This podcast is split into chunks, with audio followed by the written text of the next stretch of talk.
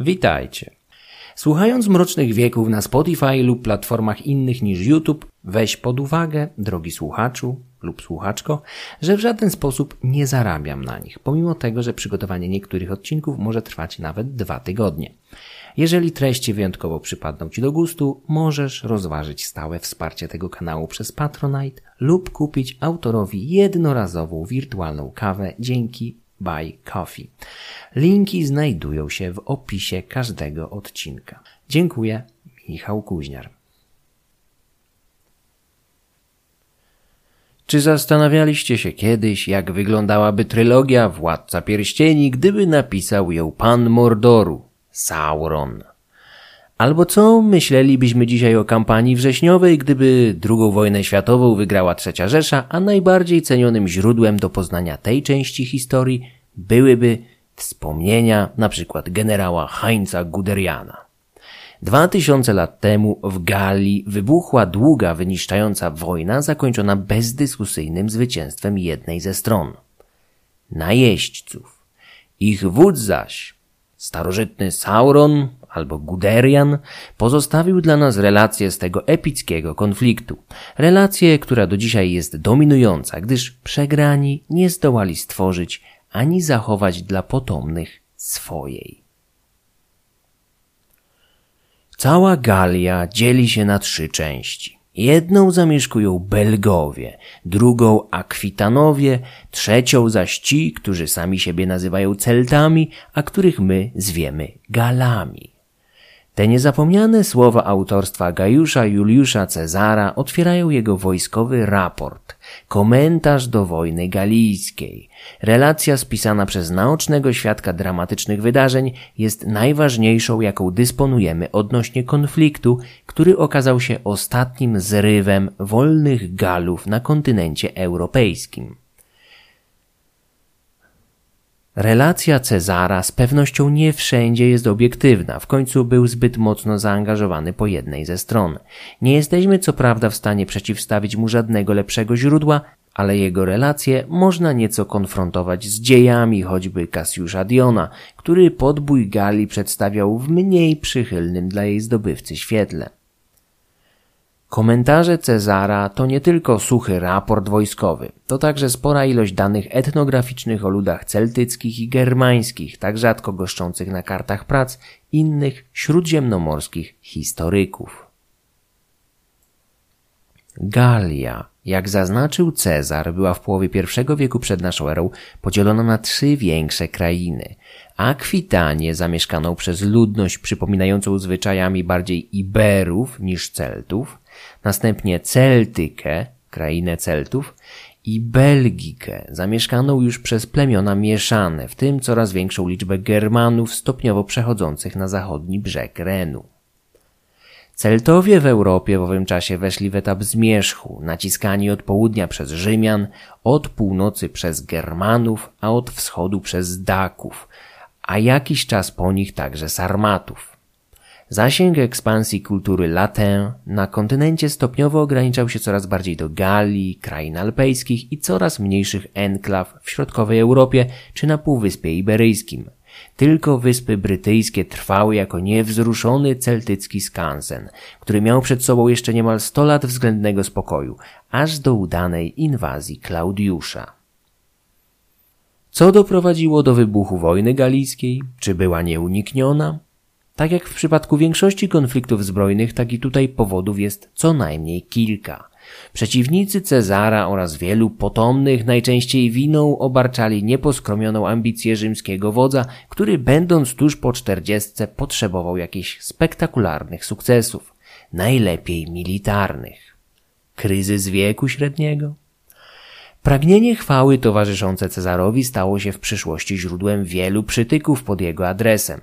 Cztery stulecia po śmierci wodza cesarz Julian, tak zwany apostata, w swojej krótkiej komediowej pracy literackiej przygotowanej z okazji corocznych Saturnaliów zaprezentował go w niezbyt przychylnym świetle. Podczas uczty zorganizowanej przez bogów na sali bankietowej pojawiają się kolejni panowie Rzymu, poczynając od Cezara, od którego bije pycha tak wielka, że sami bogowie sugerują Zeusowi, aby pozbył się go czym prędzej, gdyż ten wysoki, energiczny, przystojny wódz gotów porwać się także na tron samego króla bogów. 58 roku przed naszą erą 41-letni Cezar, wówczas sprawujący urząd prokonsula, w swoich działaniach z pewnością był motywowany pragnieniem osobistej chwały i chęcią wzbogacenia się. W końcu miał długi tak olbrzymie, że wierzyciele zgodzili się na opuszczenie przezeń Italii tylko dzięki wstawiennictwu Marka Crassusa, sprzymierzeńca Cezara i zarazem najbogatszego człowieka w Republice Rzymskiej. Crassus, tworzący razem z Cezarem i Pompejuszem triadę znaną jako pierwszy triumvirat, zgodził się pokryć zobowiązania swojego sojusznika, umożliwiając mu objęcie namiestnictwa północnych prowincji. Cezar z początku otrzymał w swoje ręce władzę w Galii przedalpejskiej i Illyricum. Galia zaalpejska, leżąca w dzisiejszej francuskiej Prowansji, dostała mu się niejako przypadkiem, po nagłym zgonie tamtejszego namiestnika. Dysponujący wpływami z trzech prowincji i czterema legionami Cezar zaczął niemal natychmiast szykować się do nowej wojny, ale nie w Galii. Jego nadzieje na zwycięstwa militarne i łupy związane były z królestwem Daków, z siedzibą w Transylwanii, które pod rządami Burebisty gwałtownie ekspandowało we wszystkich kierunkach.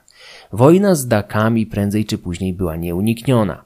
Cezar zaczął więc gromadzić legiony w okolicy Aquilei, niedaleko dzisiejszej Wenecji. Zapewne po cichu liczył na uzyskanie jakiegoś pretekstu do ataku na wschodnie królestwo, gdy tymczasem z Galii zaczęły dochodzić niepokojące dla Rzymian wieści. Oto bowiem w 58 roku przed naszą erą na północno-wschodnich rubieżach rzymskiej prowincji zaczęła gromadzić się wielka chmara ludzi. Oto celtyckie plemię Helwetów podjęło decyzję o wielkiej migracji na zachód, być może aż na wybrzeża Atlantyku.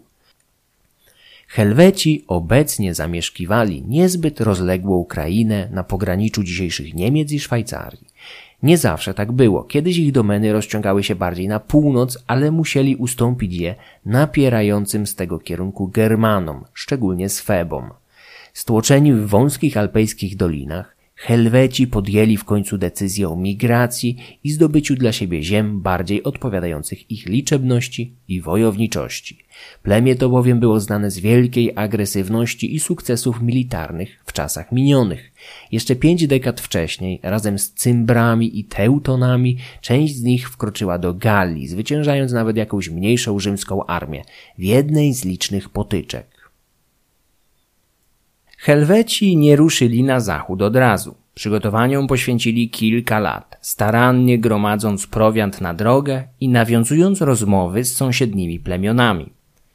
Od jednych uzyskując gwarancję swobodnego przemarszu, inne zaś namawiając do wzięcia udziału we wspólnym przedsięwzięciu.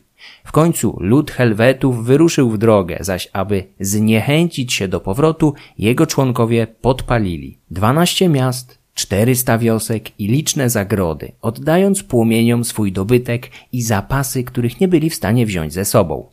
Albo przynajmniej w taką wersję każe nam wierzyć Cezar.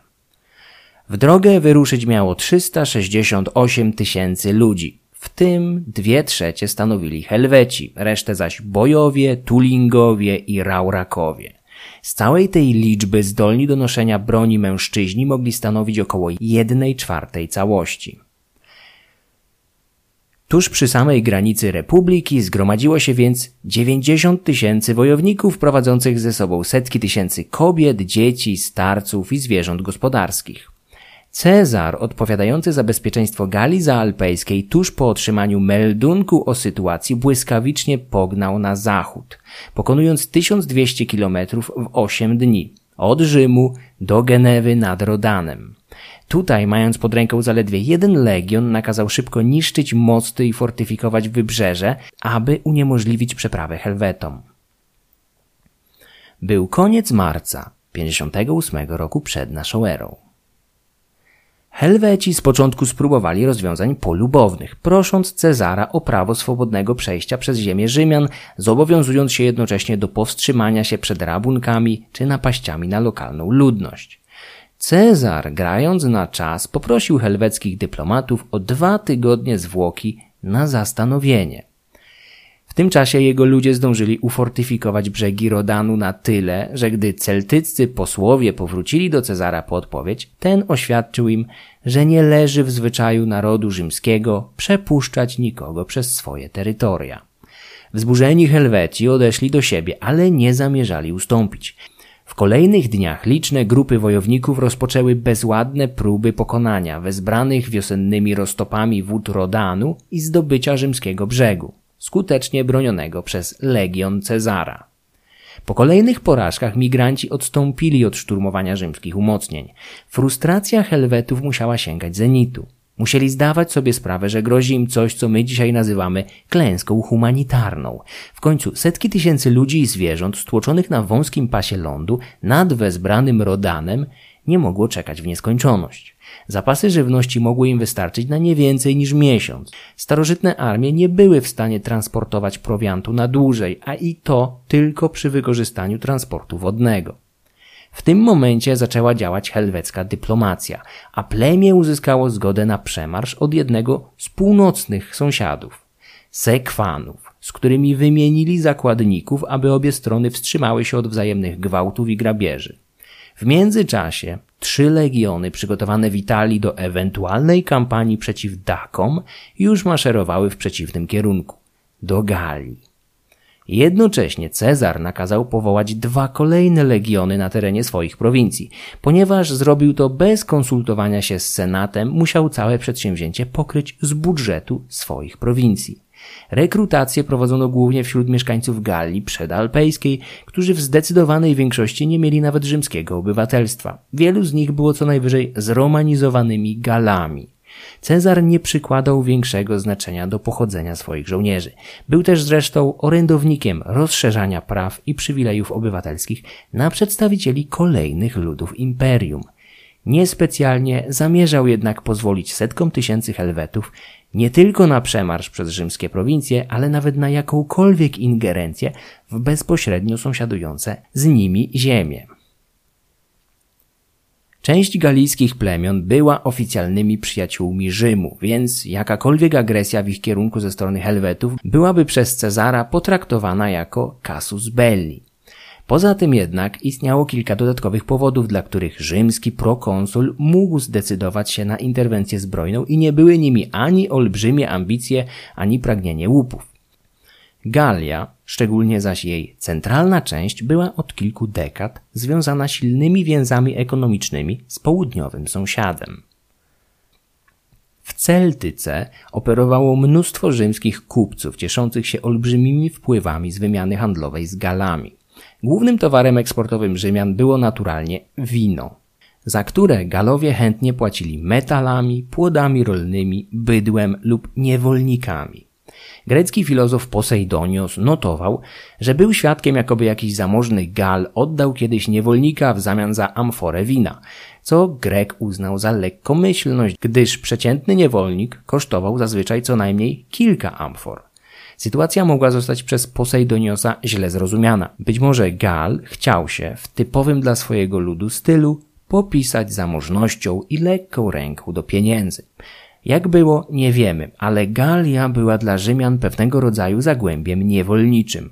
Zdaniem Barrego Canlifa u zarania wojny galijskiej w Italii mogło żyć 300 tysięcy celtyckich niewolników. W toku kilkuletnich działań zbrojnych ta liczba miała wzrosnąć przynajmniej do miliona być może nawet więcej. Rzymianie, widząc Helwetów maszerujących do serca Galii, mogli wykazywać uzasadnione obawy o trwałość istniejących szlaków handlowych i chaos, jaki może wywołać taka masa ludzi. Z drugiej strony widzieli w helweckiej inwazji szansę na wzbogacenie się i uzupełnienie braków siły roboczej we własnej ojczyźnie. Republika w owym czasie znalazła się w błędnym kole wywołanym przez liczne i jednocześnie zwycięskie wojny z poprzednich stuleci. Wyniszczająca druga wojna punicka zrujnowała drobnych italskich rolników, którzy w obliczu nędzy garnęli się do Rzymu, gdzie zasilali miejski proletariat. Albo szli do pęczniejącej armii.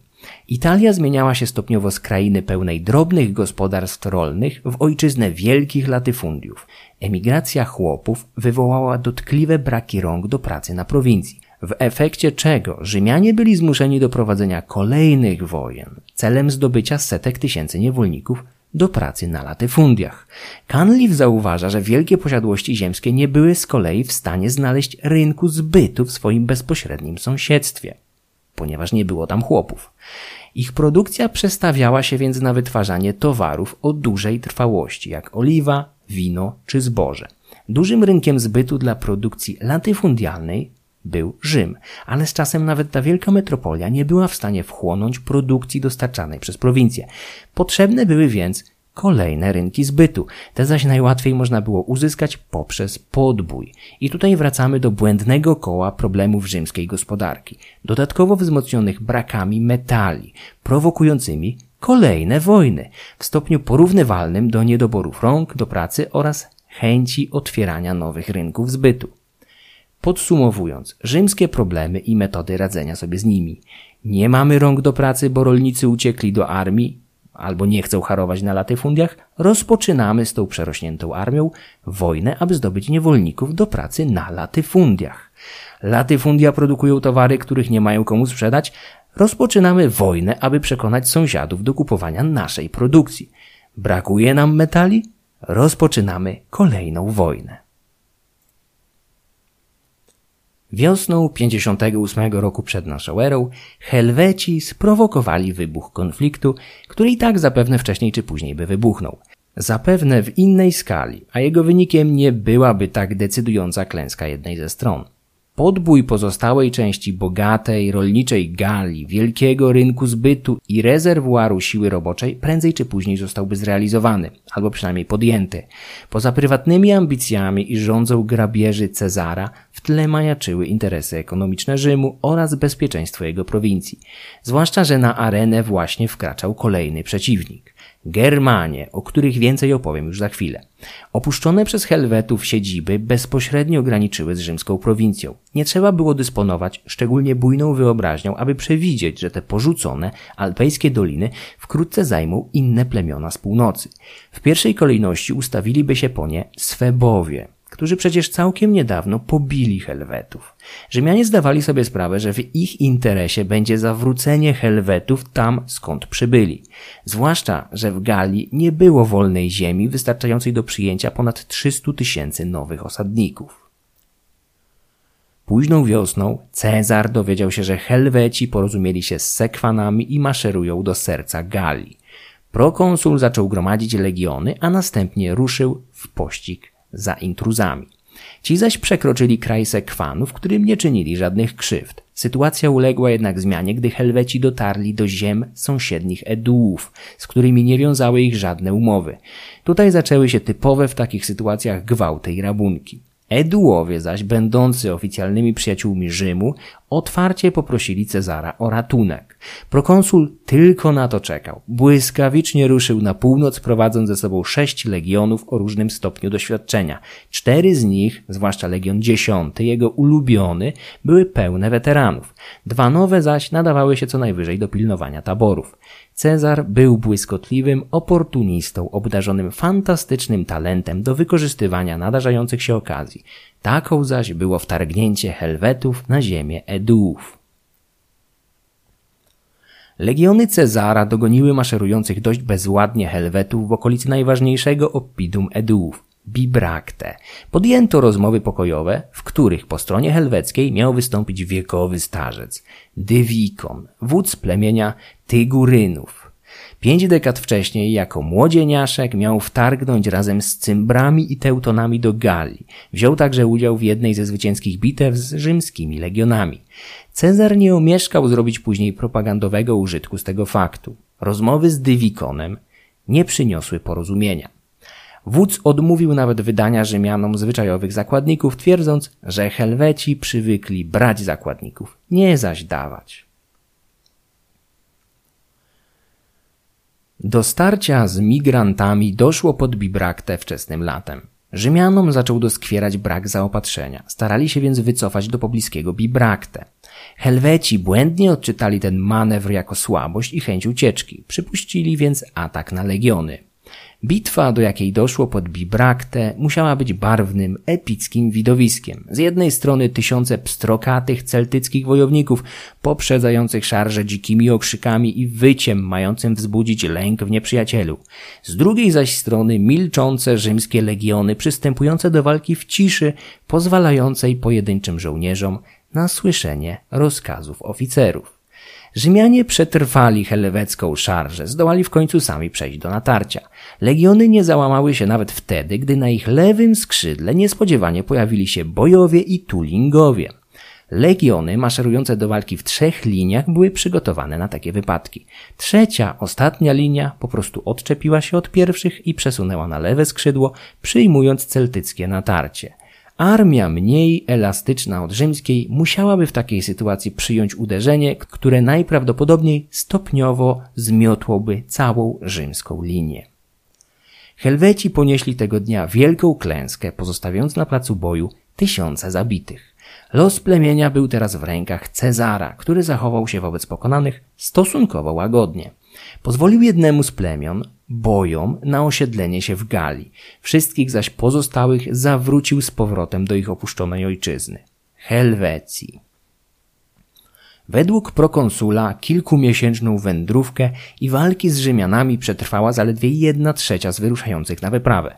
Wydaje się jednak, że wielu po prostu wróciło już wcześniej albo samodzielnie rozproszyło się w Galii. Cezar odniósł pierwsze z długiej listy zwycięstw w walnej bitwie. Miał co prawda doświadczenie w prowadzeniu wojen w Hiszpanii, w której był wcześniej namiestnikiem, jednak wojna na Półwyspie Iberyjskim miała głównie charakter partyzancki i podjazdowy, w Galii zaś miał stoczyć kilka wielkich bitew. Pliniusz starszy utrzymywał, że Cezar stoczył w życiu pięćdziesiąt bitew, więcej niż jakikolwiek rzymski wódz przed nim i po nim. Trzydzieści z nich miało miejsce w Galii.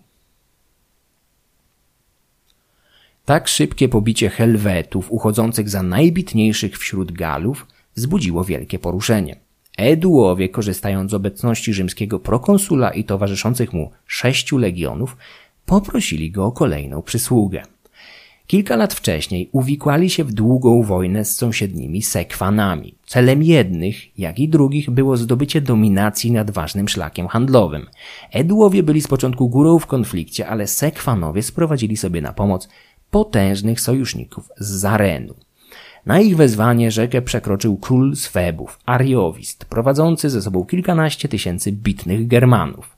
Swebowie okazali się w konflikcie z Edłami języczkiem uwagi. Dali Sekwanom zwycięstwo, w zamian za które otrzymali od nich żyzne ziemię na zachód od Renu. Zwycięzcom nie było jednak dane zbyt długo cieszyć się sukcesem osiągniętym cudzymi rękami. Sojusz z Ariowistem okazał się prawdziwym paktem z diabłem, który otrzymawszy palec, chwytał teraz całą rękę. Król Swebów, zdobywszy przyczółek po tej stronie Renu, zaczął masowo sprowadzać swoich ziomków ze wschodu i wkrótce wyrwał Sekwanom kolejny kawał ich ziemi. Wczorajsi zwycięzcy stali się teraz przegranymi, znajdującymi się w jeszcze gorszej sytuacji niż Eduowie, którzy musieli oddać Ariowistowi zakładników i płacić haracz. Ariowist tymczasem ściągał do siebie kolejnych Germanów, stając się coraz większym zagrożeniem dla lokalnych Galów, którzy nieopatrznie wpuścili Lisa do kurnika. Ten zaś nie zamierzał za żadną cenę wrócić do siebie z powrotem. Cezar nie mógł zignorować próśb galijskich plemion, które wręcz wciągały go w swoje sprawy wewnętrzne. Jednak poskromienie ambicji Ariowista leżało także w interesie Rzymu. Wielu ciągle pamiętało inwazję Cymbrów i Teutonów, w trakcie której poległ m.in. dziadek teścia Cezara. Ariowist był symbolem zmiany układu sił w Europie. W sercu kontynentu potężni niegdyś Celtowie ustępowali germańskim sąsiadom z Zarenu. Cezar zaś mógł domyślać się, że po Cymbrach, Teutonach czy teraz Swebach Ariowista przyjdą kolejne plemiona. Galowie nie dawali sobie rady z Germanami, to sam Cezar powierzchownie zrzucał na karp ich zniewieściałości. Germanie mieli być dzicy, mężni i prymitywni, a to miało im z kolei dawać przewagę nad celtyckimi sąsiadami, którzy zdążyli zmięknąć przyzwyczajeni do luksusów rzymskiej cywilizacji, wina, cennych tkanin, etc. Oczywiście wydaje się to być bzdurą, w końcu jeżeli Galowie nie radzili sobie z prymitywnymi Germanami ze względu na zmiękczenie dostępem do dóbr cywilizacji, to jakim cudem Rzymianie z ich ciepłymi łaźniami, edukacją, poezją, literaturą piękną i zamiłowaniem do wina dawali radę komukolwiek? Zresztą w ten sam sposób Rzymianie starali się tłumaczyć ostateczną klęskę Hannibala, którego żołnierze mieli rozmięknąć z czasem wśród wygód południowej Italii. O nieprawdopodobnej przewadze demograficznej Rzymu nad Kartaginą oczywiście wszyscy zapominali. Naturalnie były to tylko powierzchowne, pozbawione wartości insynuacje. Zdaniem Cezara Galowie niegdyś radzili sobie z Germanami, ale po licznych klęskach coś w nich po prostu pękło i nie byli już w stanie stanąć oko w oko ze swoimi przeciwnikami z Zarenu. Sami Germanie niewątpliwie stali cywilizacyjnie na nieco niższym stopniu rozwoju od Galów, obficie korzystających z dobrodziejstw wymiany handlowej ze światem śródziemnomorskim. Samo to jednak nie odpowiadało na pytanie, dlaczego uzyskali przewagę militarną. Germanie budzili przerażenie nie tylko wśród Galów. Pośród oficerów i szeregowców maszerujących z Cezarem na spotkanie ariowista miało z początku dojść do pewnej paniki, którą prokonsul rezolutnie zgasił w zarodku, deklarując, że pójdzie na Germanów sam na czele Legionu X, któremu nie straszni intruzi z Zarenu. To wyróżnienie jednego legionu kosztem innych błyskawicznie miało podziałać, jak kubeł zimnej wody na pozostałych legionistów, którzy za nic w świecie nie chcieli wyjść na tchórzy. Cezar miał niewątpliwy talent do zarządzania ludźmi i zjednywania ich sobie. Był bardzo elokwentny, uprzejmy, gdy było trzeba. Słynął z wydawałoby się niczym nieograniczonej hojności, która zresztą przyczyniła się do jego beznadziejnej sytuacji finansowej. Poza tym jednak potrafił zjednywać sobie prostych żołnierzy, dzieląc z nimi trudy ciężkich kampanii, co było tym bardziej zaskakujące, że uchodził za człowieka o słabym zdrowiu. Mało sypiał, miał delikatną, jasną cerę, zawsze był bardzo szczupły. Do tego cierpiał na epilepsję. Pomimo tego niejednokrotnie motywował żołnierzy, pieszo maszerując razem z nimi w trudnym terenie. W jednej z pierwszych bitew w Galii odegnał swojego wierzchowca. Podobnie nakazał postąpić pozostałym wyższym oficerom, dając w ten sposób legionistom znak, że będzie ryzykował życie razem z nimi. Z kolei w trakcie kampanii przeciwko Nerwiom w Belgice Cezar wyrwał jednemu z żołnierzy tarczę i z obnażonym mieczem rzucił się ku pierwszym liniom, aby swoim przykładem zmobilizować pozostałych do silniejszego oporu w trudnym momencie bitwy. Poza osobistą odwagą, Cezar cechował się łagodnością w stosunku do podwładnych. Nie był służbistą, rzadko uciekał się do kar cielesnych, o karze śmierci nie wspominając. Nie przywiązywał także większej wagi do pochodzenia majątku czy słabostek swoich żołnierzy lub oficerów. Liczyła się dla niego wyłącznie skuteczność. Sto lat później cesarz Wespazjan miał osobiście zablokować awans jakiegoś oficera, bo poczuł od niego zapach perfum, który według prostego Wespazjana nie przystawał żołnierzowi. Cezar zwykł z kolei mawiać, że jego wyperfumowani żołnierze są tak samo skuteczni jak ci pachnący bardziej naturalnie. Doskonały socjotechnik, świetnie wyczuwający nastroje tłumu. Odważny dowódca skłonny do podejmowania wykalkulowanego ryzyka w kluczowych momentach. Wybitny orator władający piękną, lecz przystępną łaciną, zrozumiałą nawet dla szeregowca. Do tego przebiegły, pozbawiony jakichkolwiek skrupułów intrygant. Na koniec cyniczny ateista, dla którego bogowie byli jedynie narzędziem do manipulowania tłumem. W swoim raporcie z wojny galijskiej Cezar niemal w ogóle nie odwołuje się do bóstw, które pojawiają się głównie wtedy, gdy należało czytelnikowi zrozumiale wytłumaczyć religię Galów. Rzadkość, z jaką Cezar odwołuje się w swoich wspomnieniach do bogów, jest tym bardziej zaskakująca, że dzierżył przecież tytuł najwyższego kapłana w państwie Pontifex Maximus. Cezar wkroczył z sześcioma legionami do kraju Eduów, gdzie bardzo prędko zorientował się, że nie wszyscy miejscowi patrzą na jego obecność z sympatią. Armii towarzyszyły problemy z zaopatrzeniem, które jak się wkrótce okazało, toku śledztwa były sztucznie wywoływane przez tych z edueńskich arystokratów, którzy chcieli jak najszybciej pozbyć się Rzymian ze swojej ziemi. Jednym z nich był Dumnoryx, doskonale rozumiejący, że uciekanie się do pomocy legionów spowoduje jedynie zmianę ciemiężcy. Zamiast Ariowista będzie nim Cezar. Prokonsul zdołał jednak opanować sytuację. Stosując zarówno prośby, jak i groźby, skłonił Eduów do dalszej współpracy. Dumnoryksa wspaniałomyślnie oszczędził dzięki wstawiennictwu jego brata, Dywicjaka, słynnego druida ochoczo współpracującego z Rzymianami. Miał go jednak od tej chwili na oku. Ariowist, wezwany do stawiania się przed obliczem Cezara, odmówił. Zamiast tego zapraszał Rzymianina do siebie. Król Swebów dzierżył tytuł przyjaciela narodu rzymskiego. Miał też pewne kontakty wśród nadtybrzańskich elit. Cezar z początku podjął więc próbę negocjacji. Dwaj wodzowie spotkali się w końcu w ustalonym miejscu. Każdy z nich mógł przyprowadzić tylko dziesięciu kawalerzystów.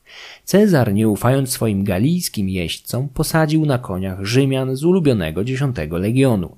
Rozmowa z Ariowistem, jaką przekazał potomnym prokonsul, jest niezmiernie ciekawa, bowiem Cezar nie przedstawił swojego przeciwnika jako krwiożerczego, prymitywnego barbarzyńcy. Autor wkłada w usta Ariowista bardzo sensowne argumenty – Król Swebów z miejsca oznajmia Cezarowi, że ma takie same prawo panoszyć się w tej północnej części Galii, jak prokonsul w swojej południowej. Ariowist deklaruje, że nie zamierza wchodzić w drogę Rzymianom, może im nawet pomóc w podboju pozostałych Galów, o ile oni zostawią go w spokoju i nie będą ingerować w relacje, jakie ma ze swoimi poddanymi, a za takich uważał Eduów. Na ile relacja jest prawdziwa, nigdy się nie dowiemy. Dwaj wodzowie rozmawiali ze sobą w cztery oczy, a jeden z nich nie zostawił po sobie żadnych pamiętników. Z pewnością jednak z rozmów tych nic nie wyszło, a tuż po ich zakończeniu Cezar ruszył w kierunku wojsk Ariowista. Król Swebów podjął jeszcze jedną próbę rozmów, ale Cezar, przeczuwając podstęp, wysłał do jego obozu jakiegoś oficera i kupca znającego króla Swebów osobiście. Ariowist błyskawicznie uwięził obu Rzymian, oskarżając ich o szpiegostwo na oczach całej germańskiej armii. Los jeńców zawisł na włosku. Germańskie wróżbitki trzykrotnie rzucały losy, pytając się bogów, czy mają ich spalić żywcem w darze siłą nadprzyrodzonym, ale na szczęście dla Rzymian bogowie nie byli zainteresowani taką ofiarą całopalną. Wśród Germanów kobiety zajmujące się magią cieszyły się znaczeniem do tego stopnia, że mogły nawet skutecznie torpedować zamiary samych królów. Tak było i tym razem. Ariowist miał przed starciem z Rzymianami kilkakrotnie prosić matki germańskich rodzin o rzucenie losów, te jednak były niepomyślne. Kobiety doradziły królowi przesunięcie walnej rozprawy z Rzymianami do następnej fazy księżyca. Pech chciał, że szpiedzy Cezara poinformowali go o nieprzychylnych wróżbach w germańskim obozie. Rzymianin postanowił działać. We wrześniu dwie armie stanęły naprzeciwko siebie gdzieś u podnóża Wogezów, niedaleko dzisiejszej francuskiej Miluzy. Przez jakiś czas interakcje obu wojsk ograniczały się tylko do pojedynków między najemnymi galijskimi kawalerzystami Cezara, a ich germańskimi przeciwnikami. Cezar zauważył, że konie Germanów są bardzo mizerne, ale ich wojownicy nadrabiają niedostatki wierzchowców swoją walecznością. Germański jeździec ruszał do walki w towarzystwie osłaniającego go piechura, który trzymając się końskiej grzywy był przez jakiś czas w stanie pędzić z szybkością dorównującą tej osiąganej przez zwierzę. Większość pojedynków kawaleryjskich rozstrzygnęli na swoją korzyść ludzie Ariowista. Germanie w tym czasie starali się także odciąć Rzymian od zaopatrzenia, co ostatecznie się nie udało. W końcu jednak legioniści ruszyli w kierunku obozu Ariowista, pragnąc zmusić go do walki pomimo niesprzyjających wróżb. Germanie podjęli wyzwanie i ruszyli do walki, a oba wojska zwarły się tak szybko, że Rzymianie nie zdążyli nawet wyrzucić swoich pila. Rozgorzała zacięta walka, w trakcie której Germanie mieli według Cezara uformować coś na kształt falangi, chroniąc się za ścianą tarcz. Co odważniejsi Rzymianie wskakiwali tymczasem na tę nieprzerwaną linię tarcz, wyrywali je przeciwnikom i siekli ich z góry. Cezar uzyskał przewagę na prawym skrzydle, podczas gdy Ariowist zwyciężał na lewym skrzydle Rzymian. Powodzenie króla Swebów zdeptał jednak Publiusz Crassus, syn Marka Crassusa, bardzo zdolny dowódca kawalerii, a prywatnie miłośnik filozofii, który w odpowiednim momencie dostrzegł zagrożenie i podobnie jak to miało miejsce pod Bibraktę, porwał za sobą trzeci, nie uczestniczący jeszcze w walce szereg rzymskiej linii z prawego skrzydła i pchnął go na lewe, które wzmocnione w ten sposób zdołało odeprzeć Ariowista. Wkrótce impet Germanów zaczął słabnąć jak to zazwyczaj bywało w takich sytuacjach, rzymska dyscyplina wzięła górę nad barbarzyńską siłą i zawziętością.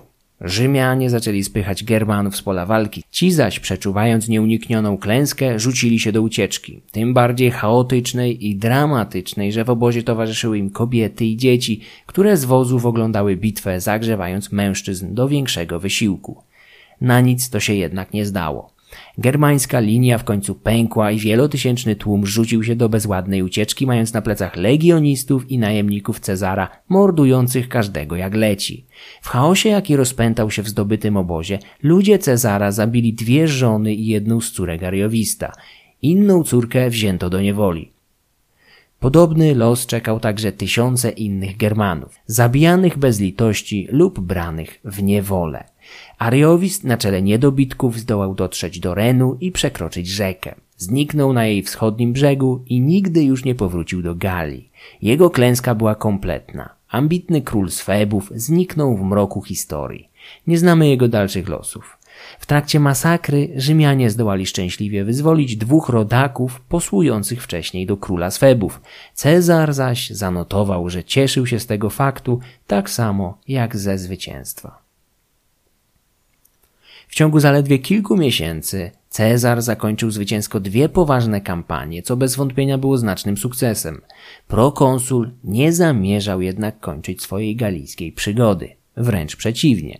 Po zakończeniu walk z Germanami nakazał powołanie pod broń kolejnych dwóch legionów, zwiększając tym samym łączną pulę sił pozostających w jego dyspozycji do ośmiu legionów, z których każdy w warunkach idealnych liczył nieco poniżej pięciu tysięcy ludzi. Do tego dochodziło kilka tysięcy najemników, lekko zbrojnych procarzy z Balearów, łuczników z Krety oraz jeźdźców z Numidii i sprzymierzonych galijskich plemion. W późniejszych fazach wojny u boku legionów będzie walczyć także najemna germańska kawaleria, która okaże się w wielu sytuacjach prawdziwym asem w rękawie. Pomimo nadchodzącej zimy, Cezar nie zamierzał w ogóle wycofywać armii na południe. Zamiast tego, ku rosnącemu zaskoczeniu Galów, postanowił przezimować na ziemiach Sekwanów. Dumnoryx, ten, który próbował utrudniać aprowizację legionów kilka miesięcy wcześniej, miał rację. Galowie zmienili jednego pana na drugiego i jeszcze potężniejszego. Sam Cezar rzadko spędzał zimy w Galii. W tej porze roku, zazwyczaj będącej przerwą od działań wojennych, udawał się na południe, aby zarządzać swoimi prowincjami i rozsądzać spory sądowe. Czasami podróżował także do Italii, chociaż zgodnie z prawem jako prokonsul nie mógł wkraczać do samego Rzymu bez złożenia swoich uprawnień. Podczas zimy Cezar mógł także pisać swoją relację z wojny w Galii, która, jak uważają niektórzy badacze, ukazywała się w częściach wydawanych co roku – Każda z ośmiu ksiąg, z których siedem pierwszych napisał sam Cezar, a ostatnią, ósmą, jego przyjaciel Aulus Hirtiusz, zawierała zwięzły raport z działań prowadzonych w jednym sezonie. Jest bardzo możliwe, że relacja Cezara pisana zimą ukazywała się w Rzymie już wiosną, gdzie spełniała rolę propagandową. Znajomość pisma wśród populacji starożytnego Rzymu była stosunkowo duża, ale większość elektoratu Cezara działającego w stronnictwie popularów wywodziło się z klas niższych.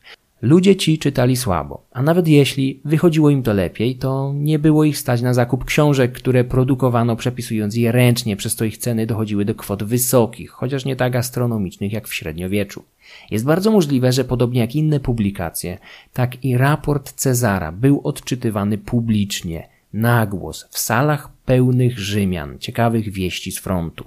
To specjalnie dla nich Cezar dostosowywał swoją narrację, często wychwalając odwagę prostych żołnierzy i ganiąc wpadki lepiej urodzonych oficerów. Był też stosunkowo skromny. W końcu powszechnie uchodził za bardzo dobrego szermierza, świetnie radzącego sobie z bronią białą, ale w swoich relacjach w ogóle nie wspomina o swoich osobistych przewagach w bitwie. Zamiast tego prezentuje swoją osobę głównie jako przewidującego wodza i charyzmatycznego przywódcę. To prości żołnierze, centurionowie i czasem wyżsi oficerowie zgarniają cały splendor wynikający z udziału w walce wręcz. W kolejnym roku, 57 przed naszą erą, Cezar zamierzał kontynuować podbój Galii. Jest bardzo możliwe, że już wtedy podjął decyzję o podboju całej lub większej części tej krainy. Na wiosnę jego oczy skierowały się na północ, do kraju Belgów. Ludzie ci uchodzili za bardziej dzikich i twardych od swoich pobratymców z Celtyki. Cezar, podobnie jak inni współcześni mu Rzymianie, miał wielki problem z rozróżnieniem, które z miejscowych plemion są celtyckie, a które germańskie. Z pewnością błędnie klasyfikował jako tych drugich Eburonów. Z kolei Trewerów i Nerwiów uważał za Galów, podczas gdy sto lat później Tacyt uzna ich za Germanów. Możliwe też, że wiele miejscowych plemion składało się z elementów mieszanych, a komponent germański ciągle zasilany emigracją z Zarenu stopniowo przybierał na sile. Cezar wielokrotnie na łamach swojej relacji określa swoje działania jako pacyfikację. Nie inaczej jest i w Belgice, gdzie podjął się wojny prewencyjnej wymierzonej w rzekomy spisek belgijskich plemion, które widząc postępy Rzymian w kraju Sekwanów i Edułów, zawiązały szeroko zakrojony antyrzymski sojusz. Według zapewne przesadzonych słów Cezara, Belgowie mieli zgromadzić 289 tysięcy wojowników, co zapewne było jedynie liczbą wskazującą ich maksymalne zdolności mobilizacyjne. Wczesnym latem osiem legionów wkroczyło na ziemię Belgów. Wkrótce Rzymianie stanęli oko w oko z wielką armią złożoną z sił przysłanych przez większość miejscowych plemion, którym przewodzili wojowniczy Bellowakowie. Obie armie stały przez kilka dni nad rzeką Aksoną, czekając na podjęcie inicjatywy przez przeciwników. W tym czasie sprzymierzeni z Cezarem Eduowie dokonali dywersji w kraju Bellowaków, napadając na ich niebronione wioski. Gdy Bellowakowie i ich sojusznicy dowiedzieli się o tym, postanowili czym prędzej powrócić do swoich osad. Dodatkową motywacją do odwrotu były kończące się zapasy, niewystarczające dla wielkiej armii, która nie była w stanie porwać się na sąsiadujące z nią osiem legionów. Belgijskie plemiona przysięgły sobie wzajemną pomoc, po czym zaczęły się bezładnie rozchodzić do domów. Rzymianie prędko zorientowali się w sytuacji i już następnego dnia z samego rana rozpoczęli pościg za wycofującymi się bezładnie Belgami, zadając im przy tym spore straty. Legiony parły naprzód, pacyfikując pozostałe plemiona, które nie zdążyły się jeszcze poddać Cezarowi. Niektóre z nich trafnie oceniły jednak rzymską przewagę i posłusznie wydały zakładników. Takim plemieniem byli m.in. Remowie, lud, od którego etnonimu wywodzi się francuskie miasto Reims. Rzymska Belgika we wszystkich kierunkach znacznie wykraczała poza granice dzisiejszej Belgii. Obejmowała także tereny Niderlandów oraz północno-wschodniej Francji. W samym środku lata Rzymianie wkroczyli na ziemię Nerwiów, ludu znanego z nieprzeciętnej wojowniczości. Nerwiowie nie wpuszczali na swoje ziemię rzymskich kupców. Mieli gardzić winem i pozostałymi luksusami oferowanymi przez śródziemnomorskie mocarstwo. Cezar podkreślał, że w tym mogła tkwić ich siła. Nerwiowie w jego relacji mieli być tymi, którzy o mały włos nie przyczynili się do jego kompletnej klęski. Pewnego dnia legiony znalazły się nad rzeką Sambrą, a ponieważ było już późne popołudnie, Cezar zarządził postój i nakazał rozpoczęcie prac nad przygotowaniem obozu. Wszyscy legioniści posłusznie rozpoczęli wyznaczać teren i usypywać szańce. Prokonsul zlekceważył jednak zagrożenie i nie oddelegował żadnych ważniejszych sił do ochrony pracujących. Być może biorąc pod uwagę późną porę dnia, chciał wykorzystać wszystkich legionistów do pracy, aby zdążyć przed nocą. Poza tym nie spodziewał się ataku, nawet pomimo nadchodzących do niego informacji o znajdujących się blisko nerwiach. Być może liczył, że za ochronę wystarczy niewielka rzeka oddzielająca jego siły od lasów, w których kryli się Belgowie? Jeżeli tak było, to prokonsul mocno się przeliczył. Gdy wszystkie legiony znalazły się na miejscu, a żołnierze odłożyli broń i zaczęli uwijać się przy pracy, z sąsiedniego lasu nagle wybiegła olbrzymia chmara nerwiów i paru innych mniejszych plemion. Wojowników miały być dziesiątki tysięcy, a jakby tego było mało, nic nie robili sobie z przeszkody wodnej, wyjąc rzucili się w kierunku Rzymian, którzy musieli porzucić pracę przy budowie obozu i na prędce sformować prowizoryczne linie. Karność i dyscyplina legionów uratowały wojsko przed niechybną zagładą. Zasadzka nerwiów mogła stać się przedwczesną bitwą w lesie teutoburskim, ale postawa legatów i centurionów, którzy prędko zorganizowali defensywę, uratowała sytuację. Cezar również stanął na wysokości zadania, dwoił się i troił, wyrwawszy nawet tarczę jednemu z żołnierzy z tylnych linii, rzucił się do pierwszych szeregów, zagrzewając legionistów do walki swoim przykładem. Sytuacje takie były rzadkie. Cezar niejednokrotnie podejmował ryzyko. Zawsze było ono jednak wykalkulowane. Szafował swoim życiem tylko w wyjątkowych sytuacjach, czym diametralnie różnił się choćby od Aleksandra Wielkiego. No ale w końcu Cezar był ateistą i pewnie zdawał sobie sprawę, że żaden Bóg nie przyjdzie mu z ratunkiem. Bitwa szybko przemieniła się w dramatyczną obronę obozowiska. Pewnych miejscach Rzymianie zdołali odeprzeć napastników, w innych jednak Belgowie zaczęli uzyskiwać przewagę. Tak było w miejscu, gdzie zgromadziła się spora część taborów bronionych przez mniej doświadczone legiony. Nerwiowie wpadli tam i rozpoczęli regularny rabunek, dokładnie w tym samym momencie, gdy do obozu zbliżali się z przeciwnej strony galijscy najemnicy Cezara, jeźdźcy z plemienia Trewerów. Trewerowie, widząc nerwiów rabujących rzymski obóz, doszli do wniosku, że Cezar przegrał bitwę, więc nie ma sensu nadstawiać już za niego karku. Zamiast tego zawrócili konie i pognali z powrotem do domu. Źle ocenili sytuację, bowiem Rzymianie zaczęli stopniowo odzyskiwać panowanie nad sytuacją, a gdy nad rzekę przybyły ostatnie dwa legiony, które w kolumnie marszowej osłaniały tył, przeszli do kontrofensywy. Zaczęła się regularna rzeź nerwiów, którzy nie byli w stanie wytrzymać impetu legionistów. Nie zamierzali jednak ustępować Rzymianom. Cezar z pewnym podziwem odnotował, że wojownicy nerwiów pomimo olbrzymich strat nie ustępowali z pola walki. Wdrapywali się nawet na stosy uformowane z ciał swoich poległych rodaków i z tych pagórków stawiali opór. Na nic się to jednak nie zdało. Bitwa zmieniła się w masakrę, której skalę Cezar jak zwykle przesadza.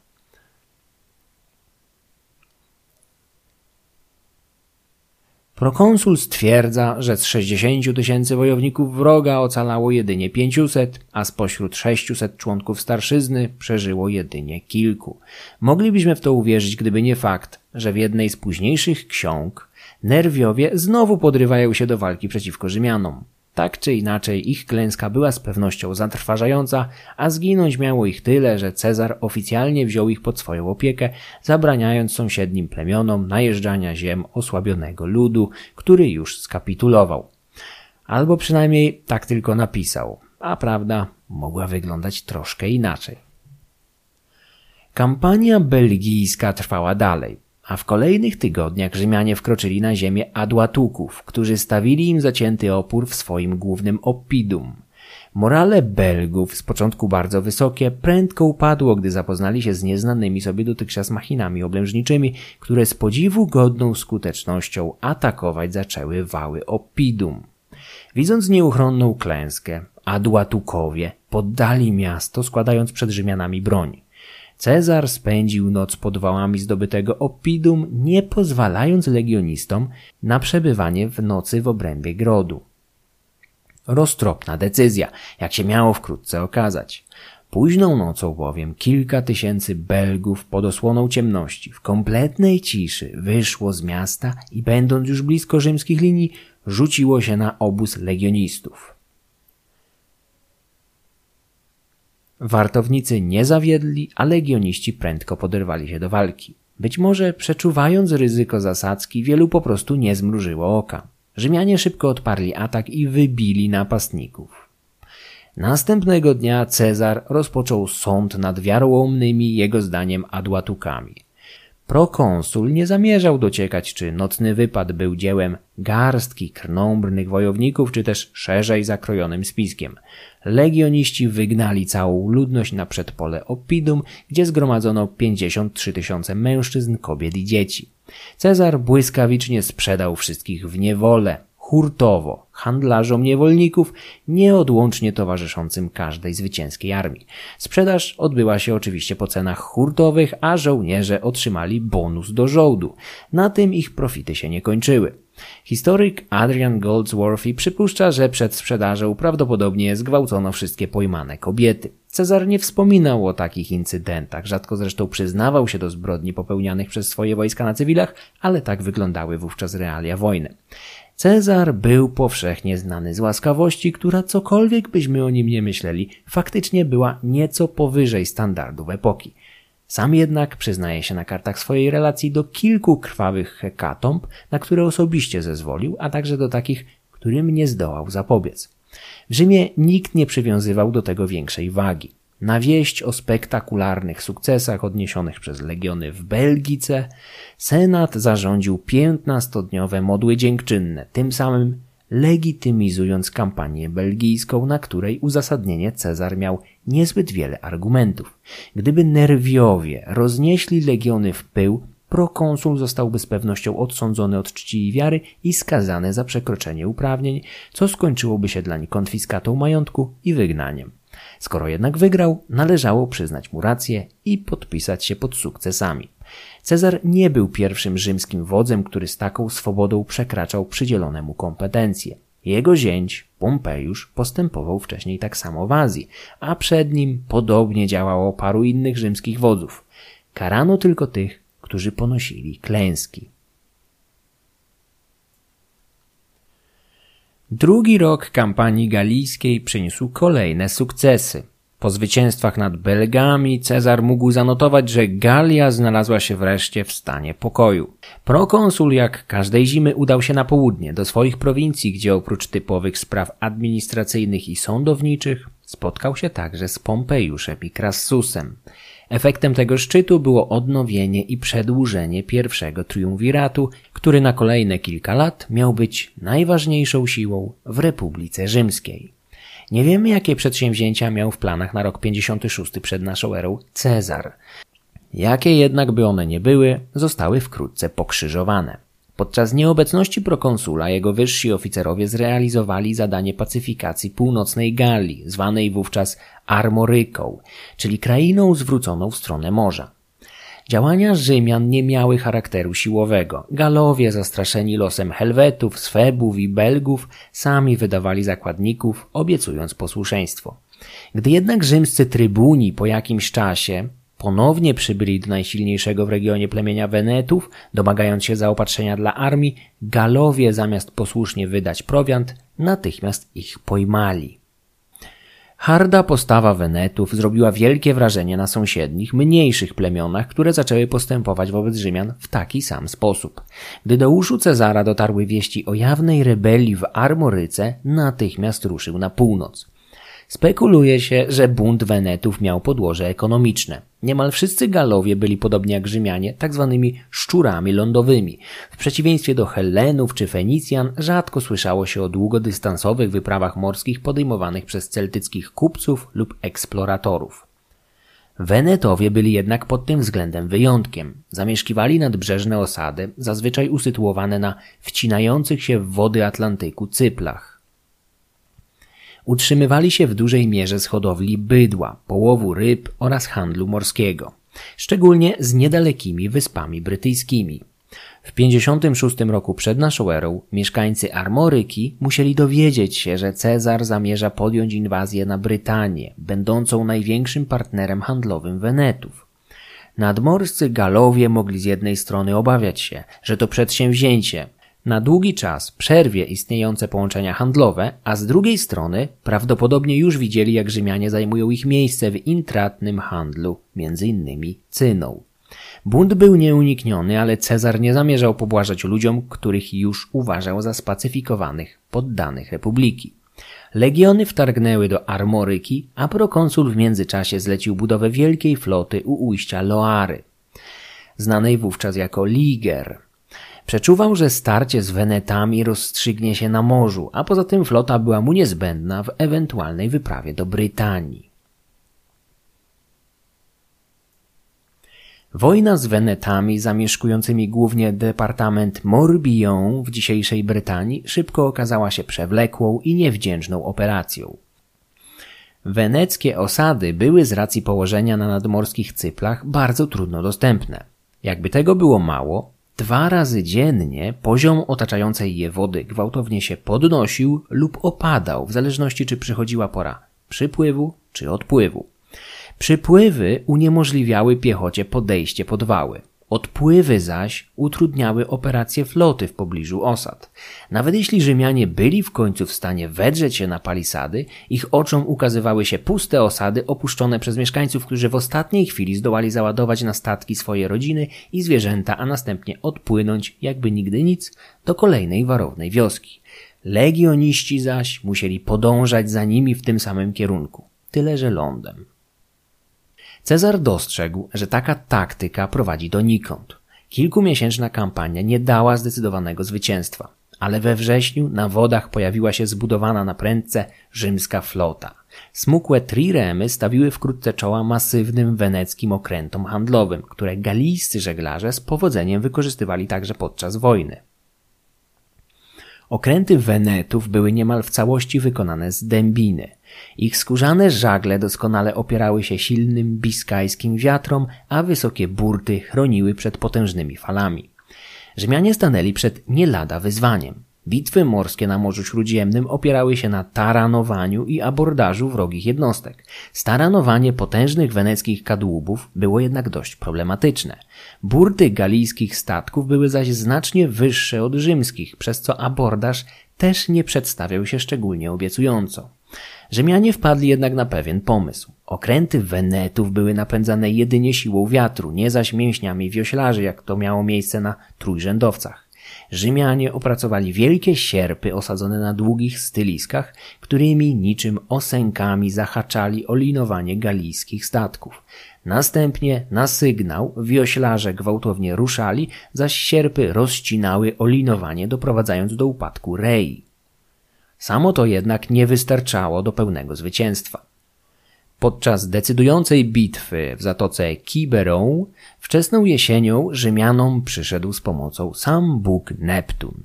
W najgorętszej fazie bitwy, gdy triremy zaczęły już uzyskiwać przewagę nad galijskimi okrętami, Wenetowie postanowili wycofać się z placu boju.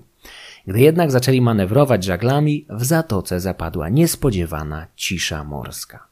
Wiatr zupełnie zniknął i wcale nie zamierzał się pojawiać z powrotem. Weneckie okręty zostały unieruchomione, wydane na łaskę bardziej mobilnych, napędzanych wiosłami trójrzędowców Cezara.